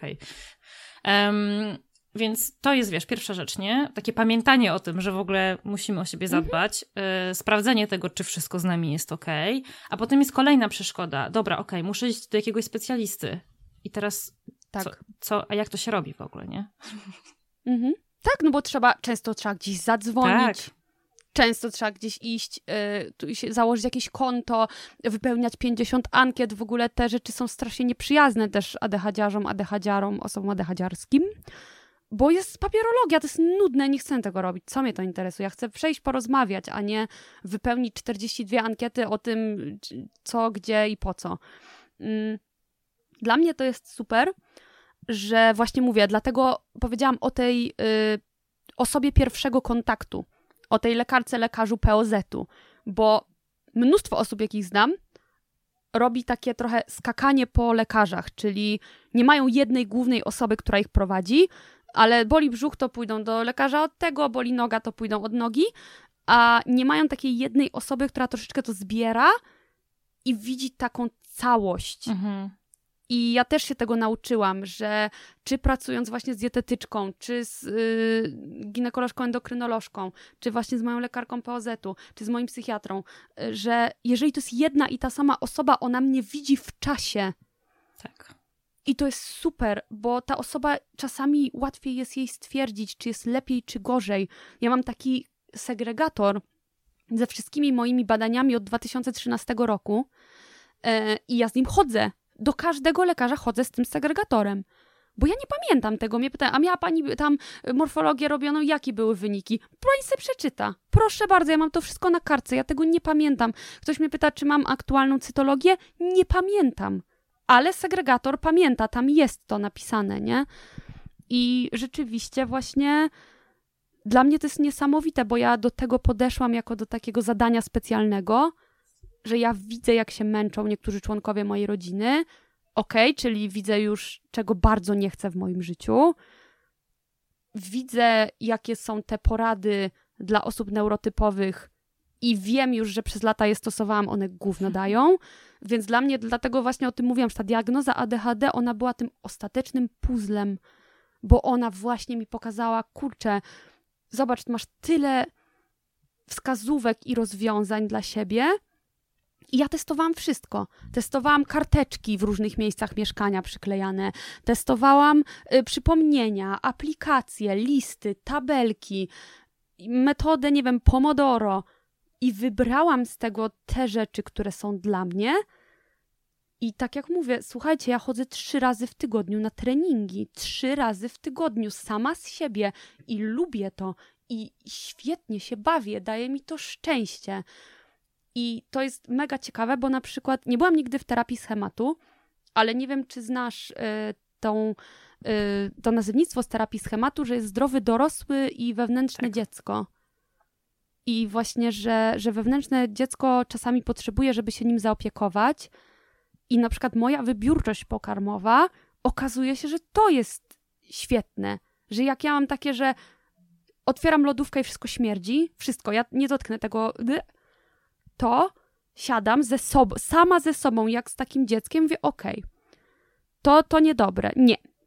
To co byś zjadła? Nie. A może jogurcik? Nie. A może, a może owoc? Nie. A może cia... Dobra, to to jest okej? Okay? Tak, okej. Okay. To do tego może to. I ja tak naprawdę negocjuję po prostu sama ze sobą, jak z dzieckiem, że to co dzisiaj bo ja wiem, że to jest ten dzień, kiedy po prostu ja potrzebuję zaopiekowania. I potrzebuję, żeby usiąść na chwilę i mam taką listę, słuchajcie, mam listę rzeczy, które ludzie jedzą. Bo ja jak jestem w momencie, kiedy nie mogę zjeść, to yy, nie wiem, coś, nie pamiętam, co się je, nie wiem, co ludzie jedzą. I mam listę rzeczy, które lubię jeść i często wybieram z tej listy. Bo zapomniałam, że coś istnieje. Tak, ja, y, to chyba dziewczyny z AD Dream wrzuciły u siebie taki schemat takich bardzo prostych posiłków, które można, takich ADHD-friendly mm -hmm. do mhm. budowania z takich najprostszych rzeczy, nie? Że tutaj proteina, z, tak. tu są takie źródła, tutaj węgle Dokładnie. z tego, tłuszcze z tego i to tak. jest super, to bardzo pomaga, bo przy tym wszystkim, o czym ty mówisz, dochodzi jeszcze taki, taki zwykły paraliż decyzyjny Stoisz mhm. przed, wiesz, wyborem, e, przed lodówką, która ugina się, e, jej półki uginają się tak. pod produktami, a ty naprawdę po prostu nie wiesz. Ja nienawidzę, ja nienawidzę nie chodzić do restauracji, w, której jest, w których jest bardzo duży wybór w menu. Wybór. Ja mhm. nie potrafię tego robić. Tak. Ja uwielbiam chodzić, uwielbiam chodzić w te same miejsca i jeść ciągle te same rzeczy. To samo, tak. Jezu, jest taka, była taka knajpka Komu Komu na Pradze, kocham. E, musiała się zamknąć, bo deweloper, długa historia. I oni mieli quesadille halloumi. I ja kochałam te quesadille halloumi. To było moje najukochańsze jedzenie. Oni się teraz przenieśli do innego lokalu i tam nie ma quesadilli halloumi. No nie. I to jest, to jest tragedia. To jest dramat. My po prostu z moimi przyjaciółmi mamy ten moment, że rest in peace quesadilla halloumi y, dlaczego, y, czemu odeszłaś od nas tak szybko? Po prostu nie jestem w stanie tego przejść. To, była, to było pyszne, to było moje jedzenie na złe dni, quesadilla halloumi z komu komu. I dlaczego? Nie Boże, ma? Ewa, wielokrotnie przychodziłam żałobę po zamkniętych restauracjach. Ostatnio zamknęli dwie wspaniałe e, knajpy wegańskie w mojej okolicy. Dwie jedyne wegańskie knajpy w mojej mhm. okolicy. Jestem, jestem zrozpaczona. Aj. Co ja mam teraz zrobić? Nie mam pojęcia. Ja, ja ci nie pomogę. Ja na przykład ostatnio, bo to też jest tak, że ja mam na przykład jedzeniowo wkrętki sezonowe. Tak. Przez miesiąc mam wkrętkę na, jaką, na jakieś danie i po miesiącu nie jem już tego i nara. I teraz mam wkrętkę na bowle. Robię sobie sama bowle w domu, bo zamawiałam je i no one są drogie, więc stwierdziłam, że ja sobie nie zrobię bowla i nauczyłam się robić szybkie bowle sama i kurde, jak, nic, jak już nic nie wepchnę, to bola zrobię. I to jest tofu, właśnie wtedy fasolka, owoce jakieś i, i ryż i sosik pyszne, Ewa je bola. Ale mi to zajęło Wiesz, ile mi zajęło unormowanie relacji z jedzeniem, takich, że nie ma zdrowego i niezdrowego jedzenia. Ania, która była u ciebie, yy, jaka to jest wspaniała osoba, Uwielbiam kurczę, ja ją zaobserwowałam. Ania, jak nas słuchasz, pozdrawiamy jest niesamowita. Pozdrawiamy cię, Ania. I moja psychodietetyczka też się nazywa Ania, bo ja y, korzystam z usług y, niekoniecznie dietetycznie, tam jest Ania reguła. I Ania po prostu jak ze mną gadała, to miała takie, ale w ogóle po pierwsze, to zdejmij tą presję z się. Czemu ta presja jest? Na co ona jest? Ty po prostu rób to, co robisz, tylko bilans inny sobie zrób. I jakby ja na przykład mam tak teraz, że jem batona i ja nie mam wyrzutów sumienia, bo jestem w stanie go dobilansować na przykład z kyrem, Yy, dlatego ja właśnie nie jestem weganką, bo jak byłam na diecie wegańskiej typowo, to straszny miałam problem ze zbilansowaniem. Zrobiłam sobie ogromną krzywdę. Nie umiałam tego mm. zrobić. Yy, I no nie pcham się w to, bo jak nie umiem, to, to też nie zawsze wszystko jest dla mnie. Czasami się trzeba cofnąć o krok. Jestem na wegetariańskiej diecie i powiem ci szczerze, że kurczę, no ludzie nie rozumieli, dlaczego ja mam żałobę po jedzeniu jakimś, dlaczego ja nie potrafię odpuścić tego, że mój ulubiony serek zmienił skład. Mhm. Że coś smakuje inaczej, że to nie jest to, co ja chciałam, że jeżeli ja pójdę do restauracji i zamówię coś i to nie jest to, co ja chciałam, nie, nie smakuje tak, jak ja myślałam, to dla mnie to jest koniec. Tak. Tak. Absolutnie. I ja mam wrażenie, że o tym też się za, za mało mówi. I dlatego tak mnie cieszy, że są takie, pojawiają się takie osoby jak Ania, które ogarniają tak. neuroatypowość i wiedzą, jak. Bo wiesz, ja też mam wrażenie, yy, że my jesteśmy, w związku z tym, że my mamy taką dużą wrażliwość na niesprawiedliwość i niezgodę na niesprawiedliwość, że my jesteśmy bardziej podatni na przechodzenie na weganizm, e, bo mamy e, tak, na uwadze troskę o, o zwierzęta mhm. i e, środowisko naturalne. Tak. I tak sobie myślę, że czasem trudno nam jest zaakceptować to, że właśnie w grę, kiedy w grę wchodzą takie kwestie jak wybiórczość pokarmowa, to wiesz, mhm. my musimy żonglować tym, co jest dla nas ważniejsze, nie? Ta, te ideały, te, te, te rzeczy, w które my wierzymy, czy, tak. czy to, żebyśmy my po prostu jedli Przeżyli. tak, żeby z, zapewniać wszystkie tak. swoje potrzeby, tak. zaspokoić. Mhm. Ja mam w rodzinie osoby, które mają bardzo duży problem z żywieniem i do tego stopnia, że wpadły w ogromne niedożywienie. Mm. I byłam kiedyś w szpitalu z taką osobą i wyobraź sobie, co poczuliśmy wszyscy, kiedy w szpitalu osoba, która przyjmowała nas na sorze, powiedziała, że a, to pewnie narkoman. No bo chudy i się trzęsie i ma niedobory, to ćpun. I jakby mam takie, kurde, naprawdę? To jest twoja diagnoza? Świetna osoba medyczna? Wow, w sensie to nie jest tak, że ja uważam, w sensie dla mnie no, środowisko pracowników ochrony zdrowia, pracowniczek, to nie jest jednolita masa. To nie jest tak, że wszystkie osoby są y, złe, wszystkie są dobre. Nie, jest mnóstwo wspaniałych osób, lekarzy, lekarek, osób lekarskich. Wiem, bo się u nich leczę, wiem, bo pomogli mi wyzdrowieć. Ale jest mnóstwo takiego dzbaństwa, ale to takiego, że kurczę, aż mi się naprawdę nóż w kieszeni otwiera, bo ja teraz mam siłę. Jak przychodzi do mnie pielęgniarka pobrać mi krew, i mówi, że ja mam tatuaże, więc ona mi nie pobierze, Co bo coś tam, coś tam i zaczyna jakieś rzeczy, to ja mówię, okej, to ja proszę, żeby przyszedł ktoś kompetentny. I nagle przychodzi inna pielęgniarka i mówi, w czym jest problem. A ja mówię, pani koleżanka powiedziała, że przez tatuaż nie widzi żyły i nie pobierze krwi. Na co pielęgniarka mówi, Grażynka, co ty, okularów nie wziąłeś dzisiaj? Przecież tu jest żyła jak wół. To jaki ty masz problem? I ja mówię, no widzi pani, da się, tak? Aha, czyli może trzeba podszkolić po prostu umiejętności, tak? I teraz to zrobię, ale jak, nie wiem, w 2018 roku bym się popłakała i wyszła. Hmm. Albo jak mi, nie wiem, ktoś zwraca uwagę na to, że no, ale można by było tam jeszcze coś zrzucić albo coś takiego, to ja mam takie, przepraszam bardzo, ja mam ide idealne wyniki, mam fantastyczny cukier. Na jakiej podstawie powiedziałaś to osobo, poza oczywiście swoimi przekonaniami, tak? Bo nie, jeżeli nie ma, tak, medycznych wskazań do tego, że mój brzuch jest taki, jaki jest, jeżeli to jest zdrowy brzuch, to y, dziękuję. To nie jest, nie interesuje mnie ta opinia. I teraz jestem w stanie naprawdę. Ostatnio byłam na sorze y, z jakąś tam raną i lekarz, ja wiem dlaczego. Ja wiem, oni to są osoby przemęczone, to są osoby, którym się za mało płaci. Tak. Ja wam naprawdę bardzo współczuję, ale ja robię co mogę, w sensie głosuję na partie, które mówią, że trzeba dać więcej na ochronę zdrowia i staram się jakby też być wyrozumiałą osobą. Ale jeżeli lekarz, który mnie przyjmuje, krzyczy na mnie, to ja wstanę i powiem: proszę na mnie nie krzyczeć. I jeżeli idę do personelu i mówię: przepraszam, ale czy jest inny lekarz, bo ten się drze? I personel mi mówi: przykro mi, on się drze, ale nie ma innego lekarza, i my wiemy, że on się drze, ale po prostu nie ma, no chłop, jest jeden chłop. To wracam do niego i mówię, dobra, dawaj ten papier, rób tam, co masz zrobić i jakby dziękuję, bo ja za taką pomoc jakby...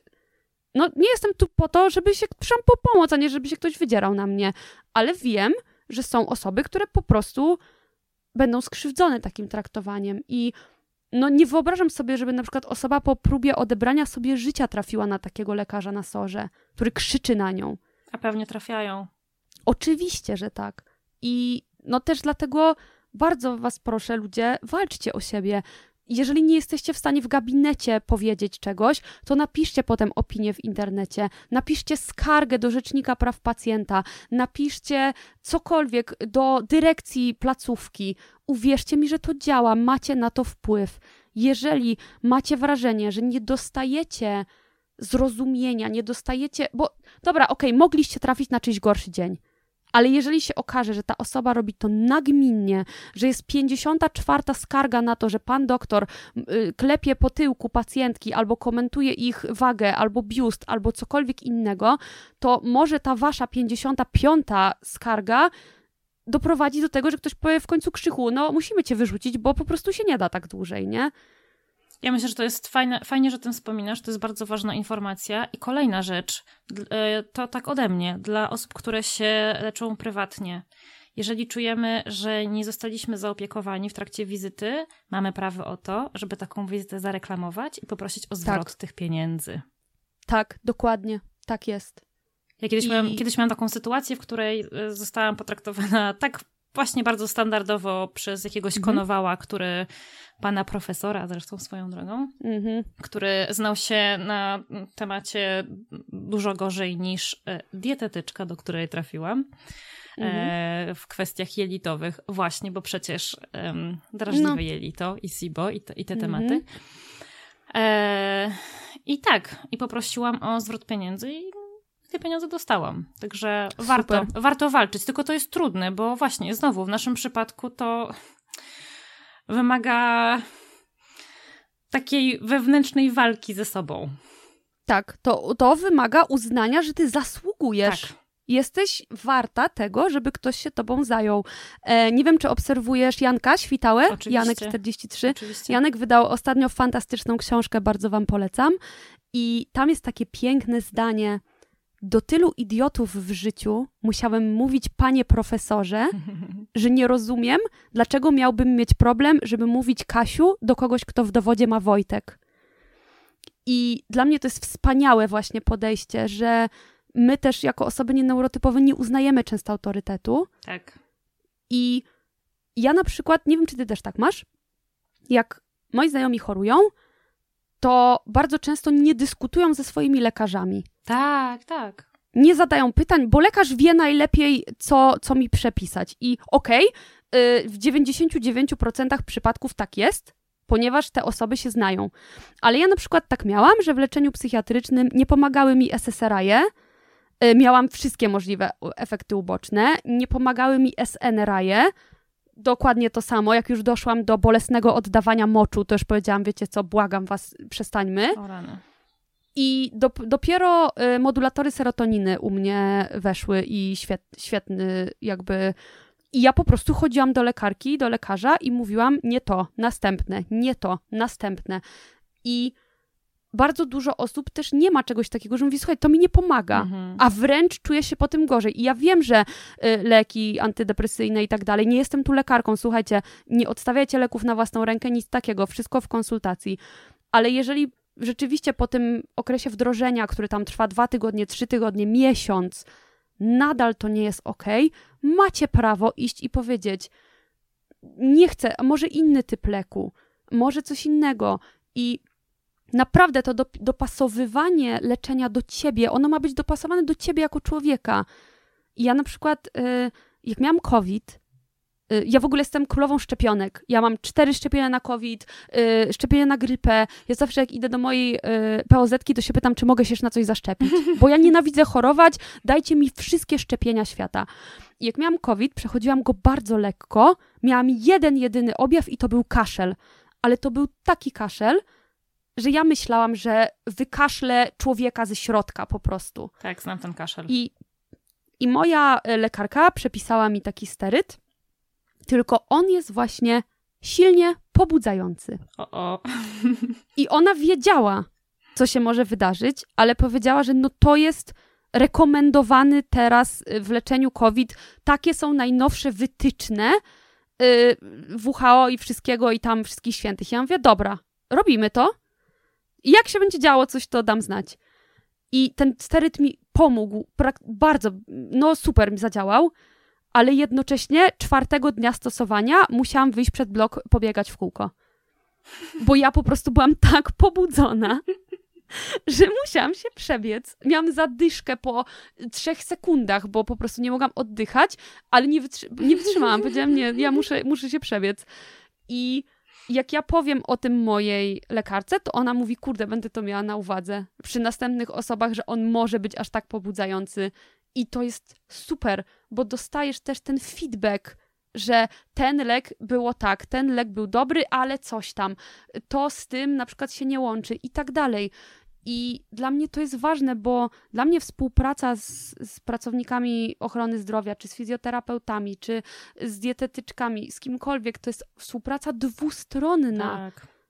Jeżeli coś działa, to super, ale jeżeli nie działa, to czasami trzeba zmienić osobę, czasami trzeba, bo super są w ogóle, kocham osoby, które ci powiedzą, ja, musi pani iść do kogoś innego, bo ja wyczerpałem, wyczerpałam tutaj swoje możliwości. Bardzo szanuję za to swoją pierwszą terapeutkę, mhm. która dokładnie to powiedziała. Bardzo szanuję tutaj też moją drugą terapeutkę, która też powiedziała, że ma wrażenie, że przepracowujemy już po prostu wszystkie możliwe rzeczy i ona to rozumie, że ja potrzebuję przerwy. I dla mnie to właśnie jest świetne, że takie osoby też ci czasami powiedzą, no kurde, jak nie wiesz, to powiedz, że nie wiesz, a tak nie jest. Y, na pałę coś stosujesz. I tak samo jest na przykład, ja mam straszny problem z pracownikami, z farmaceutami, farmaceutkami, bo jak idę po coś i powiem, nie mogę brać tego, nie mogę brać tego, nie mogę brać tego, to bardzo często są osoby kompetentne. Ale ile razy ja stałam w kolejce i słyszę, jak ktoś mówi, no ja nie śpię już trzeci tydzień i coś tam i ten. I farmaceuta, farmaceutka zamiast powiedzieć, idź do lekarza, człowieku, jakby nie przychodź po jakieś suple na spanko, masz jakiś problem. Tak.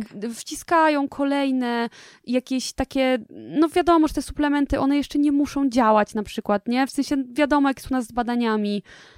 I strasznie mi jest szkoda takich ludzi, bo ja byłam taką osobą. Ja kupowałam te leki typu Nervomix bez recepty, coś tam, y, żeby spróbować, czy mnie coś uspokoi, czy mi coś pomoże, czy ja się w końcu wyśpię, czy ten, ten dialog w mojej głowie w końcu się skończy.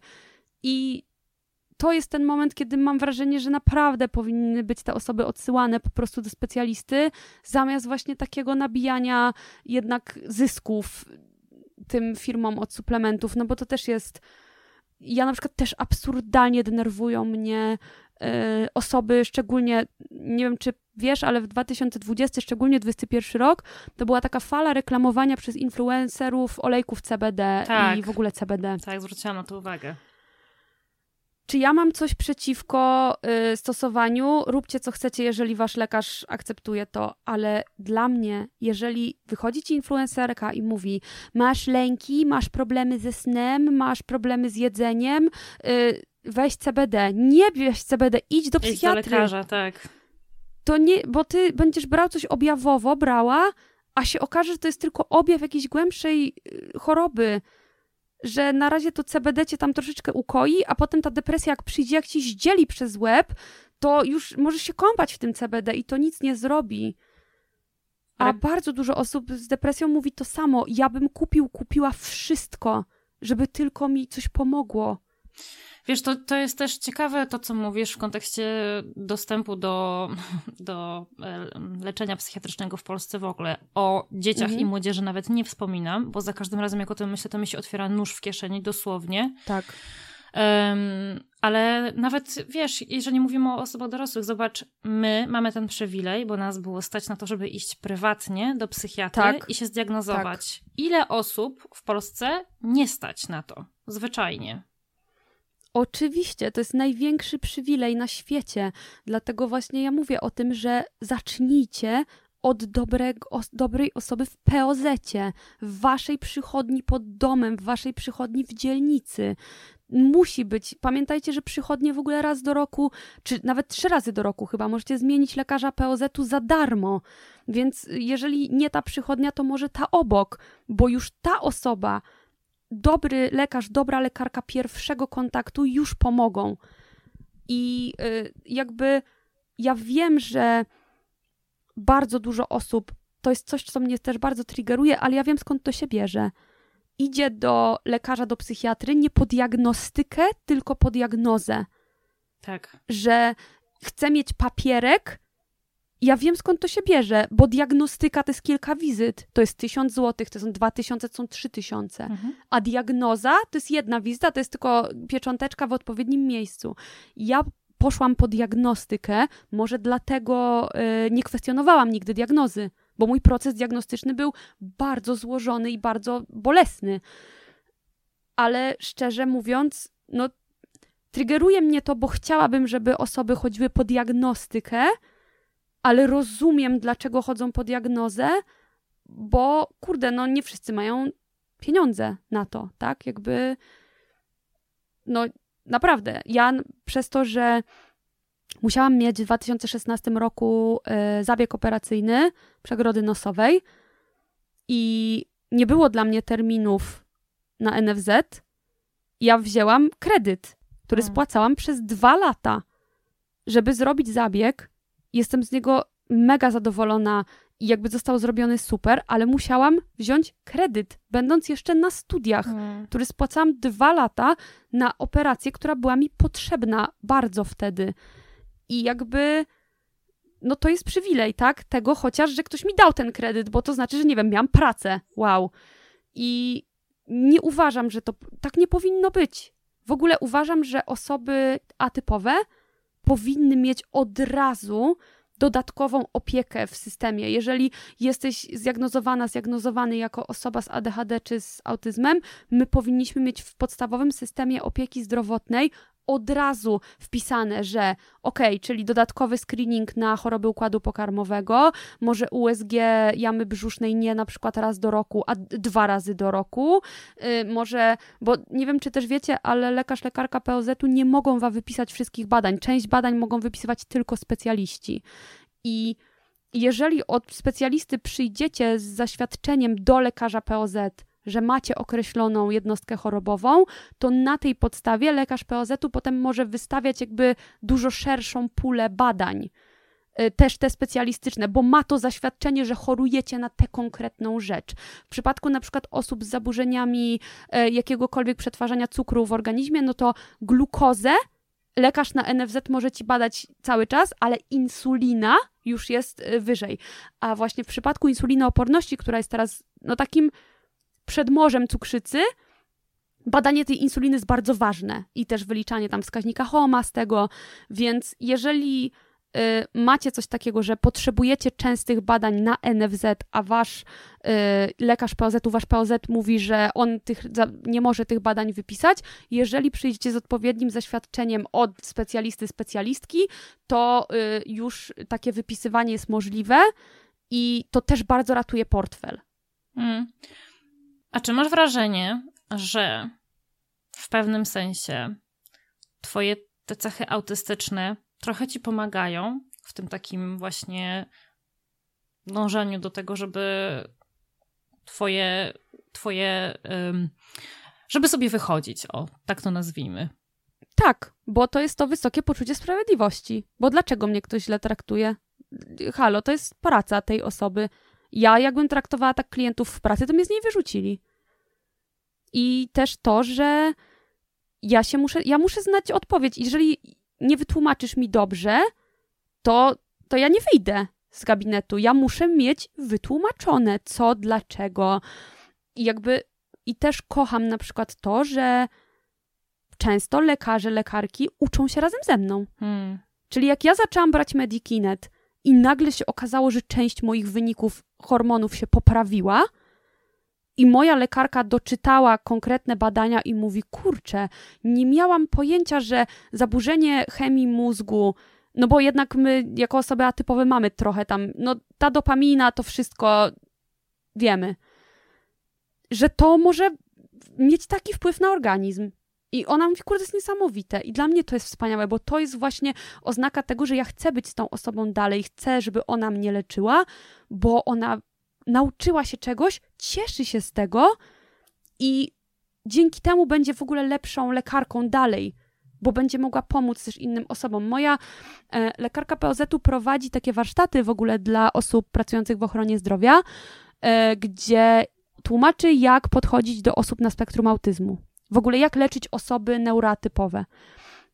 I zapytała mnie kiedyś, czy przyjdę na takie warsztaty porozmawiać, bo powiedziała, że ona jest w szoku, jak dobrze ja opisuję swoje dolegliwości. I ja mówię, wie pani, wiesz, dlaczego? Bo tyle razy mi ktoś powiedział, że ja sobie wymyślam, mm. że ja przychodząc do lekarza jestem przekonana, że ja go muszę przekonać o tym, że mi coś jest. Że ja muszę to opisać jak najdokładniej, żeby mi ktoś uwierzył. I to jest tragedia. Ostatnio byłam pierwszy raz u nowego lekarza, bo moja lekarka e, ma problemy ze zdrowiem, jest na zwolnieniu, nomen omen lekarskim. Poleciła mi innego specjalistę i on po moim pięciominutowym monologu i pokazaniu mu wszystkich badań powiedział: Jestem zaskoczony, jak precyzyjnie medycznym słownictwem się pani posługuje. A ja mam takie, ale widział pan, że tam na tej karteczce jest napisane spektrum autyzmu, prawda? I bo wiedziałam mu też, że to jest pokłosie traumy. To jest pokłosie tego, że tyle osób mi nie uwierzyło, tyle osób mi nie pomogło, że ja przychodzę do lekarza przygotowana jak na egzamin. Tak, tak. E, no, wiesz co, ja sobie teraz, te, teraz jak powiedziałaś słowo trauma, to sobie pomyślałam, że tutaj to naprawdę może grać dosyć sporą rolę dodatkowo. No tak, zdecydowanie. Masz jakąś taką jedną dobrą radę dla takich osób, które jak, jak ty, które zmagają się z wieloma problemami zdrowotnymi, a nie za bardzo wiedzą, jak się za to zabrać? Mm, profilaktyka. Profilaktyka, profilaktyka, jeszcze raz profilaktyka. I tak naprawdę badajcie się, szukajcie. Po prostu każdy z nas od czegoś musi zacząć. Nie wiem, morfologia na start. i grzebiemy dalej. Jak jest ok, to jest ok. To co roku powtarzamy. Ale profilaktyka. Lepiej jest bawić się z insulinoopornością niż z cukrzycą. Czyli wracamy... Lepiej jest wyciąć, tak, wyciąć znamie, czy tam obserwować małe, niż iść już od razu z nowotworem skóry. To jest kolejna rzecz. Ja mam trochę wrażenie, że yy, my się nie badamy z takiego strachu przed tym, że się bo okaże, mi coś że, wyjdzie. Że, że, jesteśmy na coś chorzy. Bo, bo mi coś wykryją. Tak, tylko to właśnie też jest ciekawe, że ten moment diagnozy nie jest mo mo momentem zapadnięcia na chorobę. Tak, tak. Ona była wcześniej i ta diagnoza to jest coś dobrego. Tak, to można, to można dosłownie przyłożyć jeden do jednego w, z kwestią diagnozy neurotypowości, nie? Ja, tak. ja pamiętam te moje myśli o tym, że o Boże, no dobra, no to ja pójdę po tę diagnozę i co? I usłyszę, że mam ADHD i to oznacza, że ja to ADHD będę miała już mhm. zawsze. Tak. tak jakbym tak, bez diagnozy go nie miała. tak, dokładnie. To mi też kiedyś właśnie Dawid powiedział, jak byłam w tej pierwszej takiej fazie szoku i, i jakiegoś takiego dramatu po diagnozie, że on mówi, ale przecież się nic nie zmieniło jakby jesteś tym samym człowiekiem, co byłaś. Pracujemy tak samo razem, jak pracowaliśmy. Jesteś tą samą osobą. A ja miałam wrażenie, że oczywiście, że nie jestem. To jest now... w ogóle ktoś mi wyrzucił życie do śmieci. Halo. Tak, tak. A właśnie, jak y, twoje środowisko zawodowe zareagowało na, na, twoją, na twoje diagnozy? Bo ty w ogóle bardzo otwarcie u siebie mówisz o, o ADHD i o autyzmie. Wiesz co, dość dobrze, bo y, zauważyli, że mi jest lepiej. Hmm. Oni zauważyli, że mi się poprawia, że ja jestem mniej irytująca i mniej ja się irytuję, że mniej mam w sobie takiego jakiegoś niezaleczonego właśnie bólu i po prostu, ja jestem łatwiejsza we współpracy, bo jest mi lepiej. I no też ludzie często korzystają z moich yy, jakby ja wiem dokładnie już teraz, jakie mam mocne strony i moje osoby z mojego otoczenia wiedzą o tym i wiedzą, co mogą mi podrzucić, bo dla mnie to jest super łatwe, a co na przykład dla mnie jest bardzo trudne i z czym ja potrzebuję pomocy. I moim zdaniem komunikowanie tego to jest klucz. Mam takich moich najkochańszych przyjaciół i na przykład wiem, że jak chodzimy gdzieś jeść, to dla niektórych z nich jest na przykład problemem zwrócić jakieś danie do kuchni, bo to jest, a dla mnie nie, ja podejdę z tym i powiem, przepraszam, co to jest? I oni wtedy wiedzą takie, a, a mogłabyś, bo, bo ja nie wiem, czy zamówiłem wegańskie, a to chyba jest z mięsem. I ja mam takie spoko, nie ma problemu. Ja idę z tym na dół, mówię, ej, słuchajcie, czy to jest na... Bo to było miało być wegańskie, to jest z mięsem? To jest z mięsem. O Jezu, no o, przepraszamy i tak dalej. I ja wiem, że ta osoba mnie o to poprosiła nie dlatego, że jest leniwa czy coś, tylko dla niej to jest problem, a tak. dla mnie nie. A z drugiej strony ja mam problem w drugą stronę z czymś innym i mogę, wiem na przykład, że to jest osoba, która kocha gotować i zawsze do niej mogę wprosić na obiad, bo dla niej to nie jest problem. A ja po prostu, no jak będę miała coś ugotować, to się popłaczę, nie? Dla mnie to jest w ogóle super, że kurczę, mówmy sobie otwarcie, ja jestem dobra w tym, tym, tym i tym, fatalna jestem w tym i tym i tym i jakby dobierajmy się jako ludzie, w czym możemy wesprzeć tą drugą osobę, jakby... Ja myślę, no bo... że to jest w ogóle klucz do, do takiego rozwiązania wielu problemów, które się wiążą z neurotypowością. To znaczy, tak. zamiast się skupiać na tym, z czym nam jest trudno i czego nie jesteśmy w stanie przeskoczyć, to skupmy się na tym, w czym nam jest łatwo i, i tu szukajmy, jakby wokół tego zbudujmy coś. Wiesz co, ja nie wiem, czy ty tak miałaś w terapii, bo ja przychodziłam z kolejnymi, kolejnymi, kolejnymi rzeczami, pracowałyśmy nad tym i przychodziło rozwiązanie. W pewnym momencie przyszłam z rzeczą, ja mam właśnie problem często z podróżowaniem, ze spaniem poza domem i moja terapeutka powiedziała coś, co było bardzo ważne. Powiedziała, no jest granica w sensie, posiada pani ograniczenia. A ja miałam takie, co? Ja mam ograniczenia, ja nie mogę wszystkiego zawsze wszędzie? I dla mnie to był szok, bo ona powiedziała, nie da się tego, to jest problem, który jest tak głęboko zakorzeniony w niektórych tam rzeczach, że no nie da, to jest nie do usunięcia. Można pracować, można odwrażliwiać, można desensoryzacja, a może to, a może tamto, a może coś innego, ale to są leczenie objawowe. A rdzeń tego problemu jest po, może pani posiadać ograniczenie i ja na przykład teraz już wiem, że ja nie polecę nigdy, nie wiem, do Azji, jak nie, nie, nie odwiedzę Indii, nie wiem, nie polecę do Stanów, nie polecę do Australii. To jest poza absolutnie moim zasięgiem zdrowotnym. No i spoko, no to sobie pojadę do Włoch, to sobie skoczę do, do, do rodziców na wieś, to jakby okej, okay, w porządku. Tak jest, są gorsze rzeczy w życiu niż to, że ciężko ci się na przykład śpi gdzieś w jakichś miejscach albo podróżuje, tak? Są naprawdę gorsze rzeczy i no czasami trzeba po prostu powiedzieć, no tak, nie da się, nie, nie, nie, nie mogę tego robić i tyle. Dokładnie. Wiesz co, widzisz, ja zawsze na, na zakończenie pytam e, mojej gościni o to, co by powiedziały osobom neurotypowym. A choć odwróćmy to mhm. i spróbujmy pomyśleć, co byś powiedziała osobom neuroatypowym, które o swojej neuro, neuroatypowości wiedzą. Miałabyś dla nich jakąś dobrą radę? Jedną? Zaopiekujcie się sobą.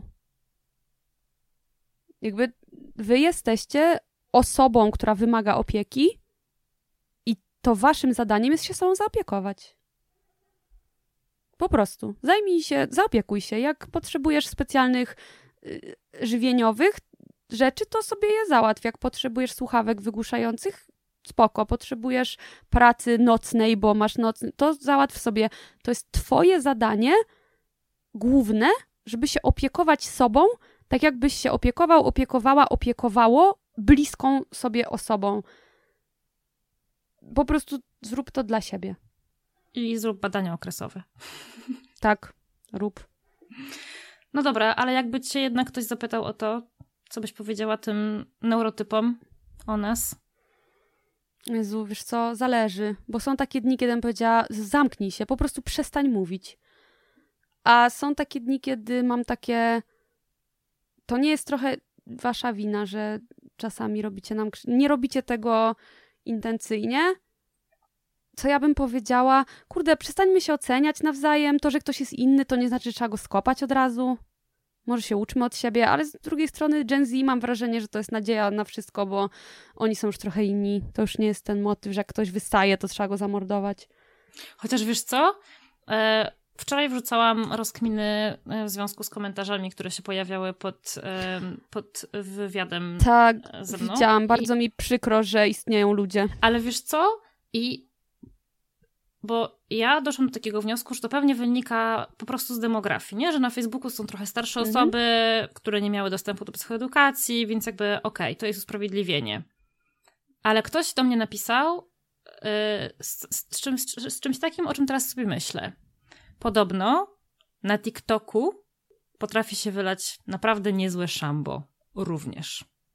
A jakby tak, nie, zdecydowanie. No właśnie, więc czyli to nie, nie, nie, chyba nie tylko jest kwestia demografii jednak.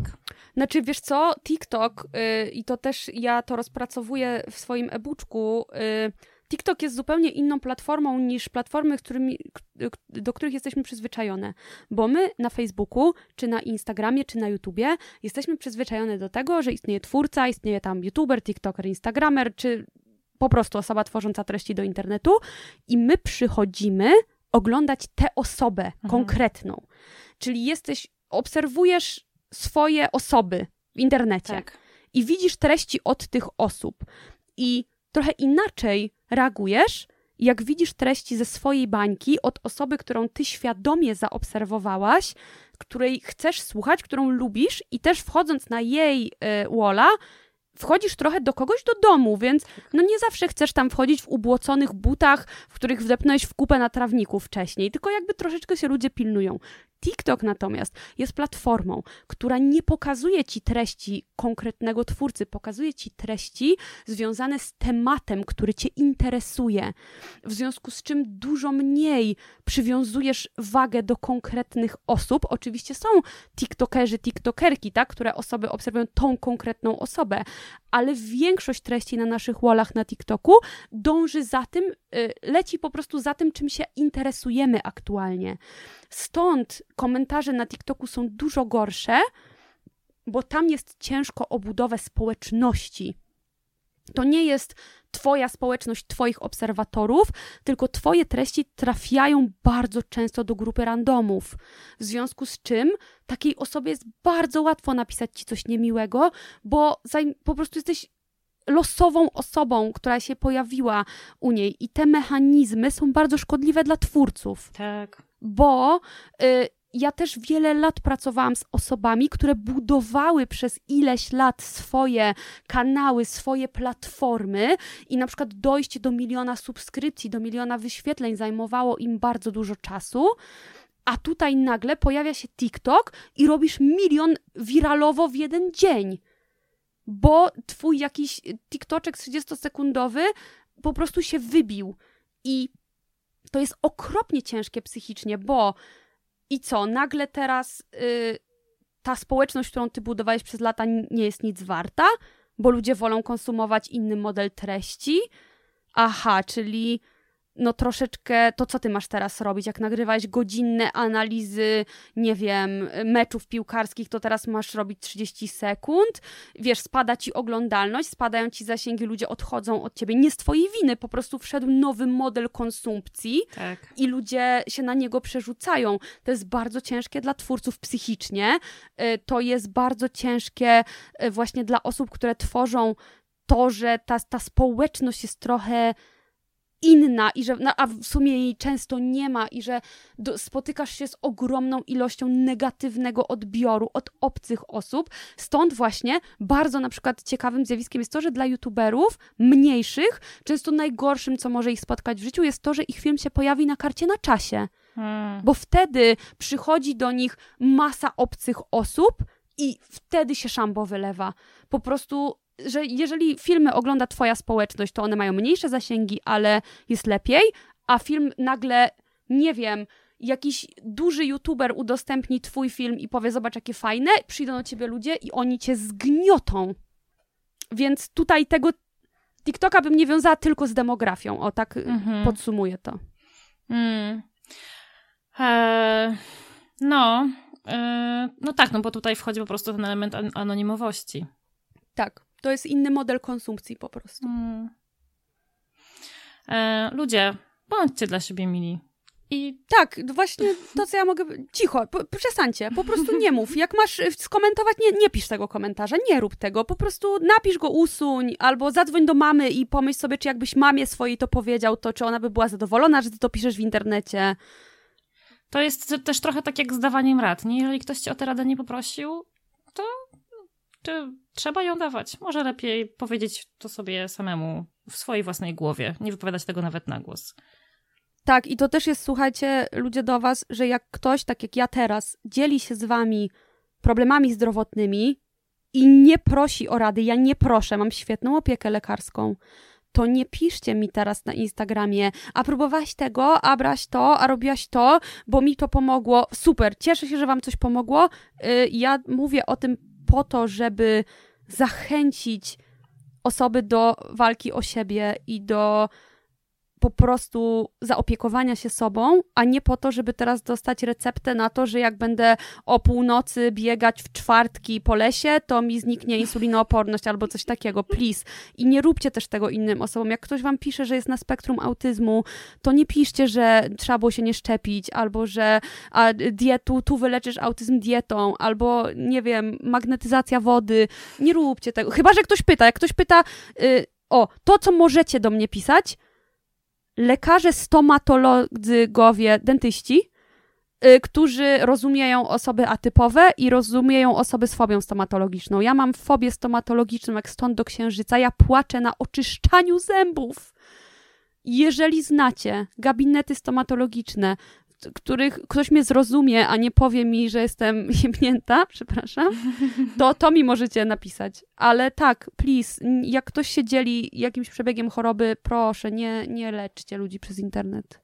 To jest bardzo dobra rada i mam wrażenie, bo ludzie często to robią, z, no mają dobre intencje. Nawet bo chcą pomóc. Tak, tak, nie zdają sobie sprawy z tego, że tak się nie, po, nie powinno robić, bo nikt ich o tę radę nie prosił.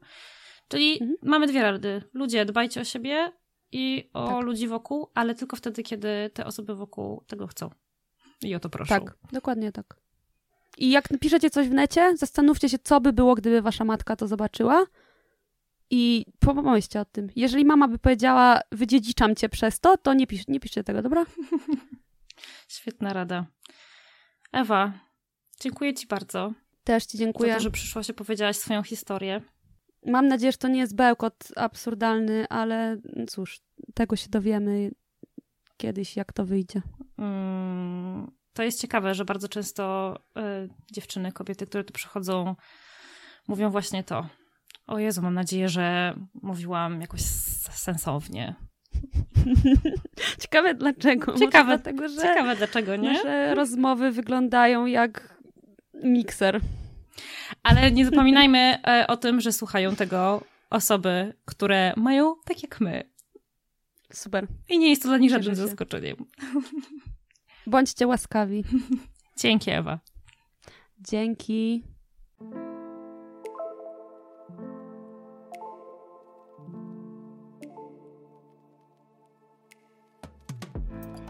Wielkie dzięki za wysłuchanie tego odcinka. I oczywiście Spotify, YouTube czy TikTok nie powinny być wyznacznikami diagnozy. Ale jeśli to, o czym tutaj rozmawiałyśmy, brzmi dla ciebie podejrzanie znajomo, to mam nadzieję, że zaopiekujesz się sobą i wykonasz pierwszy krok w kierunku pójścia po pomoc, bo każda z nas na to zasługuje. Do usłyszenia w kolejnym odcinku.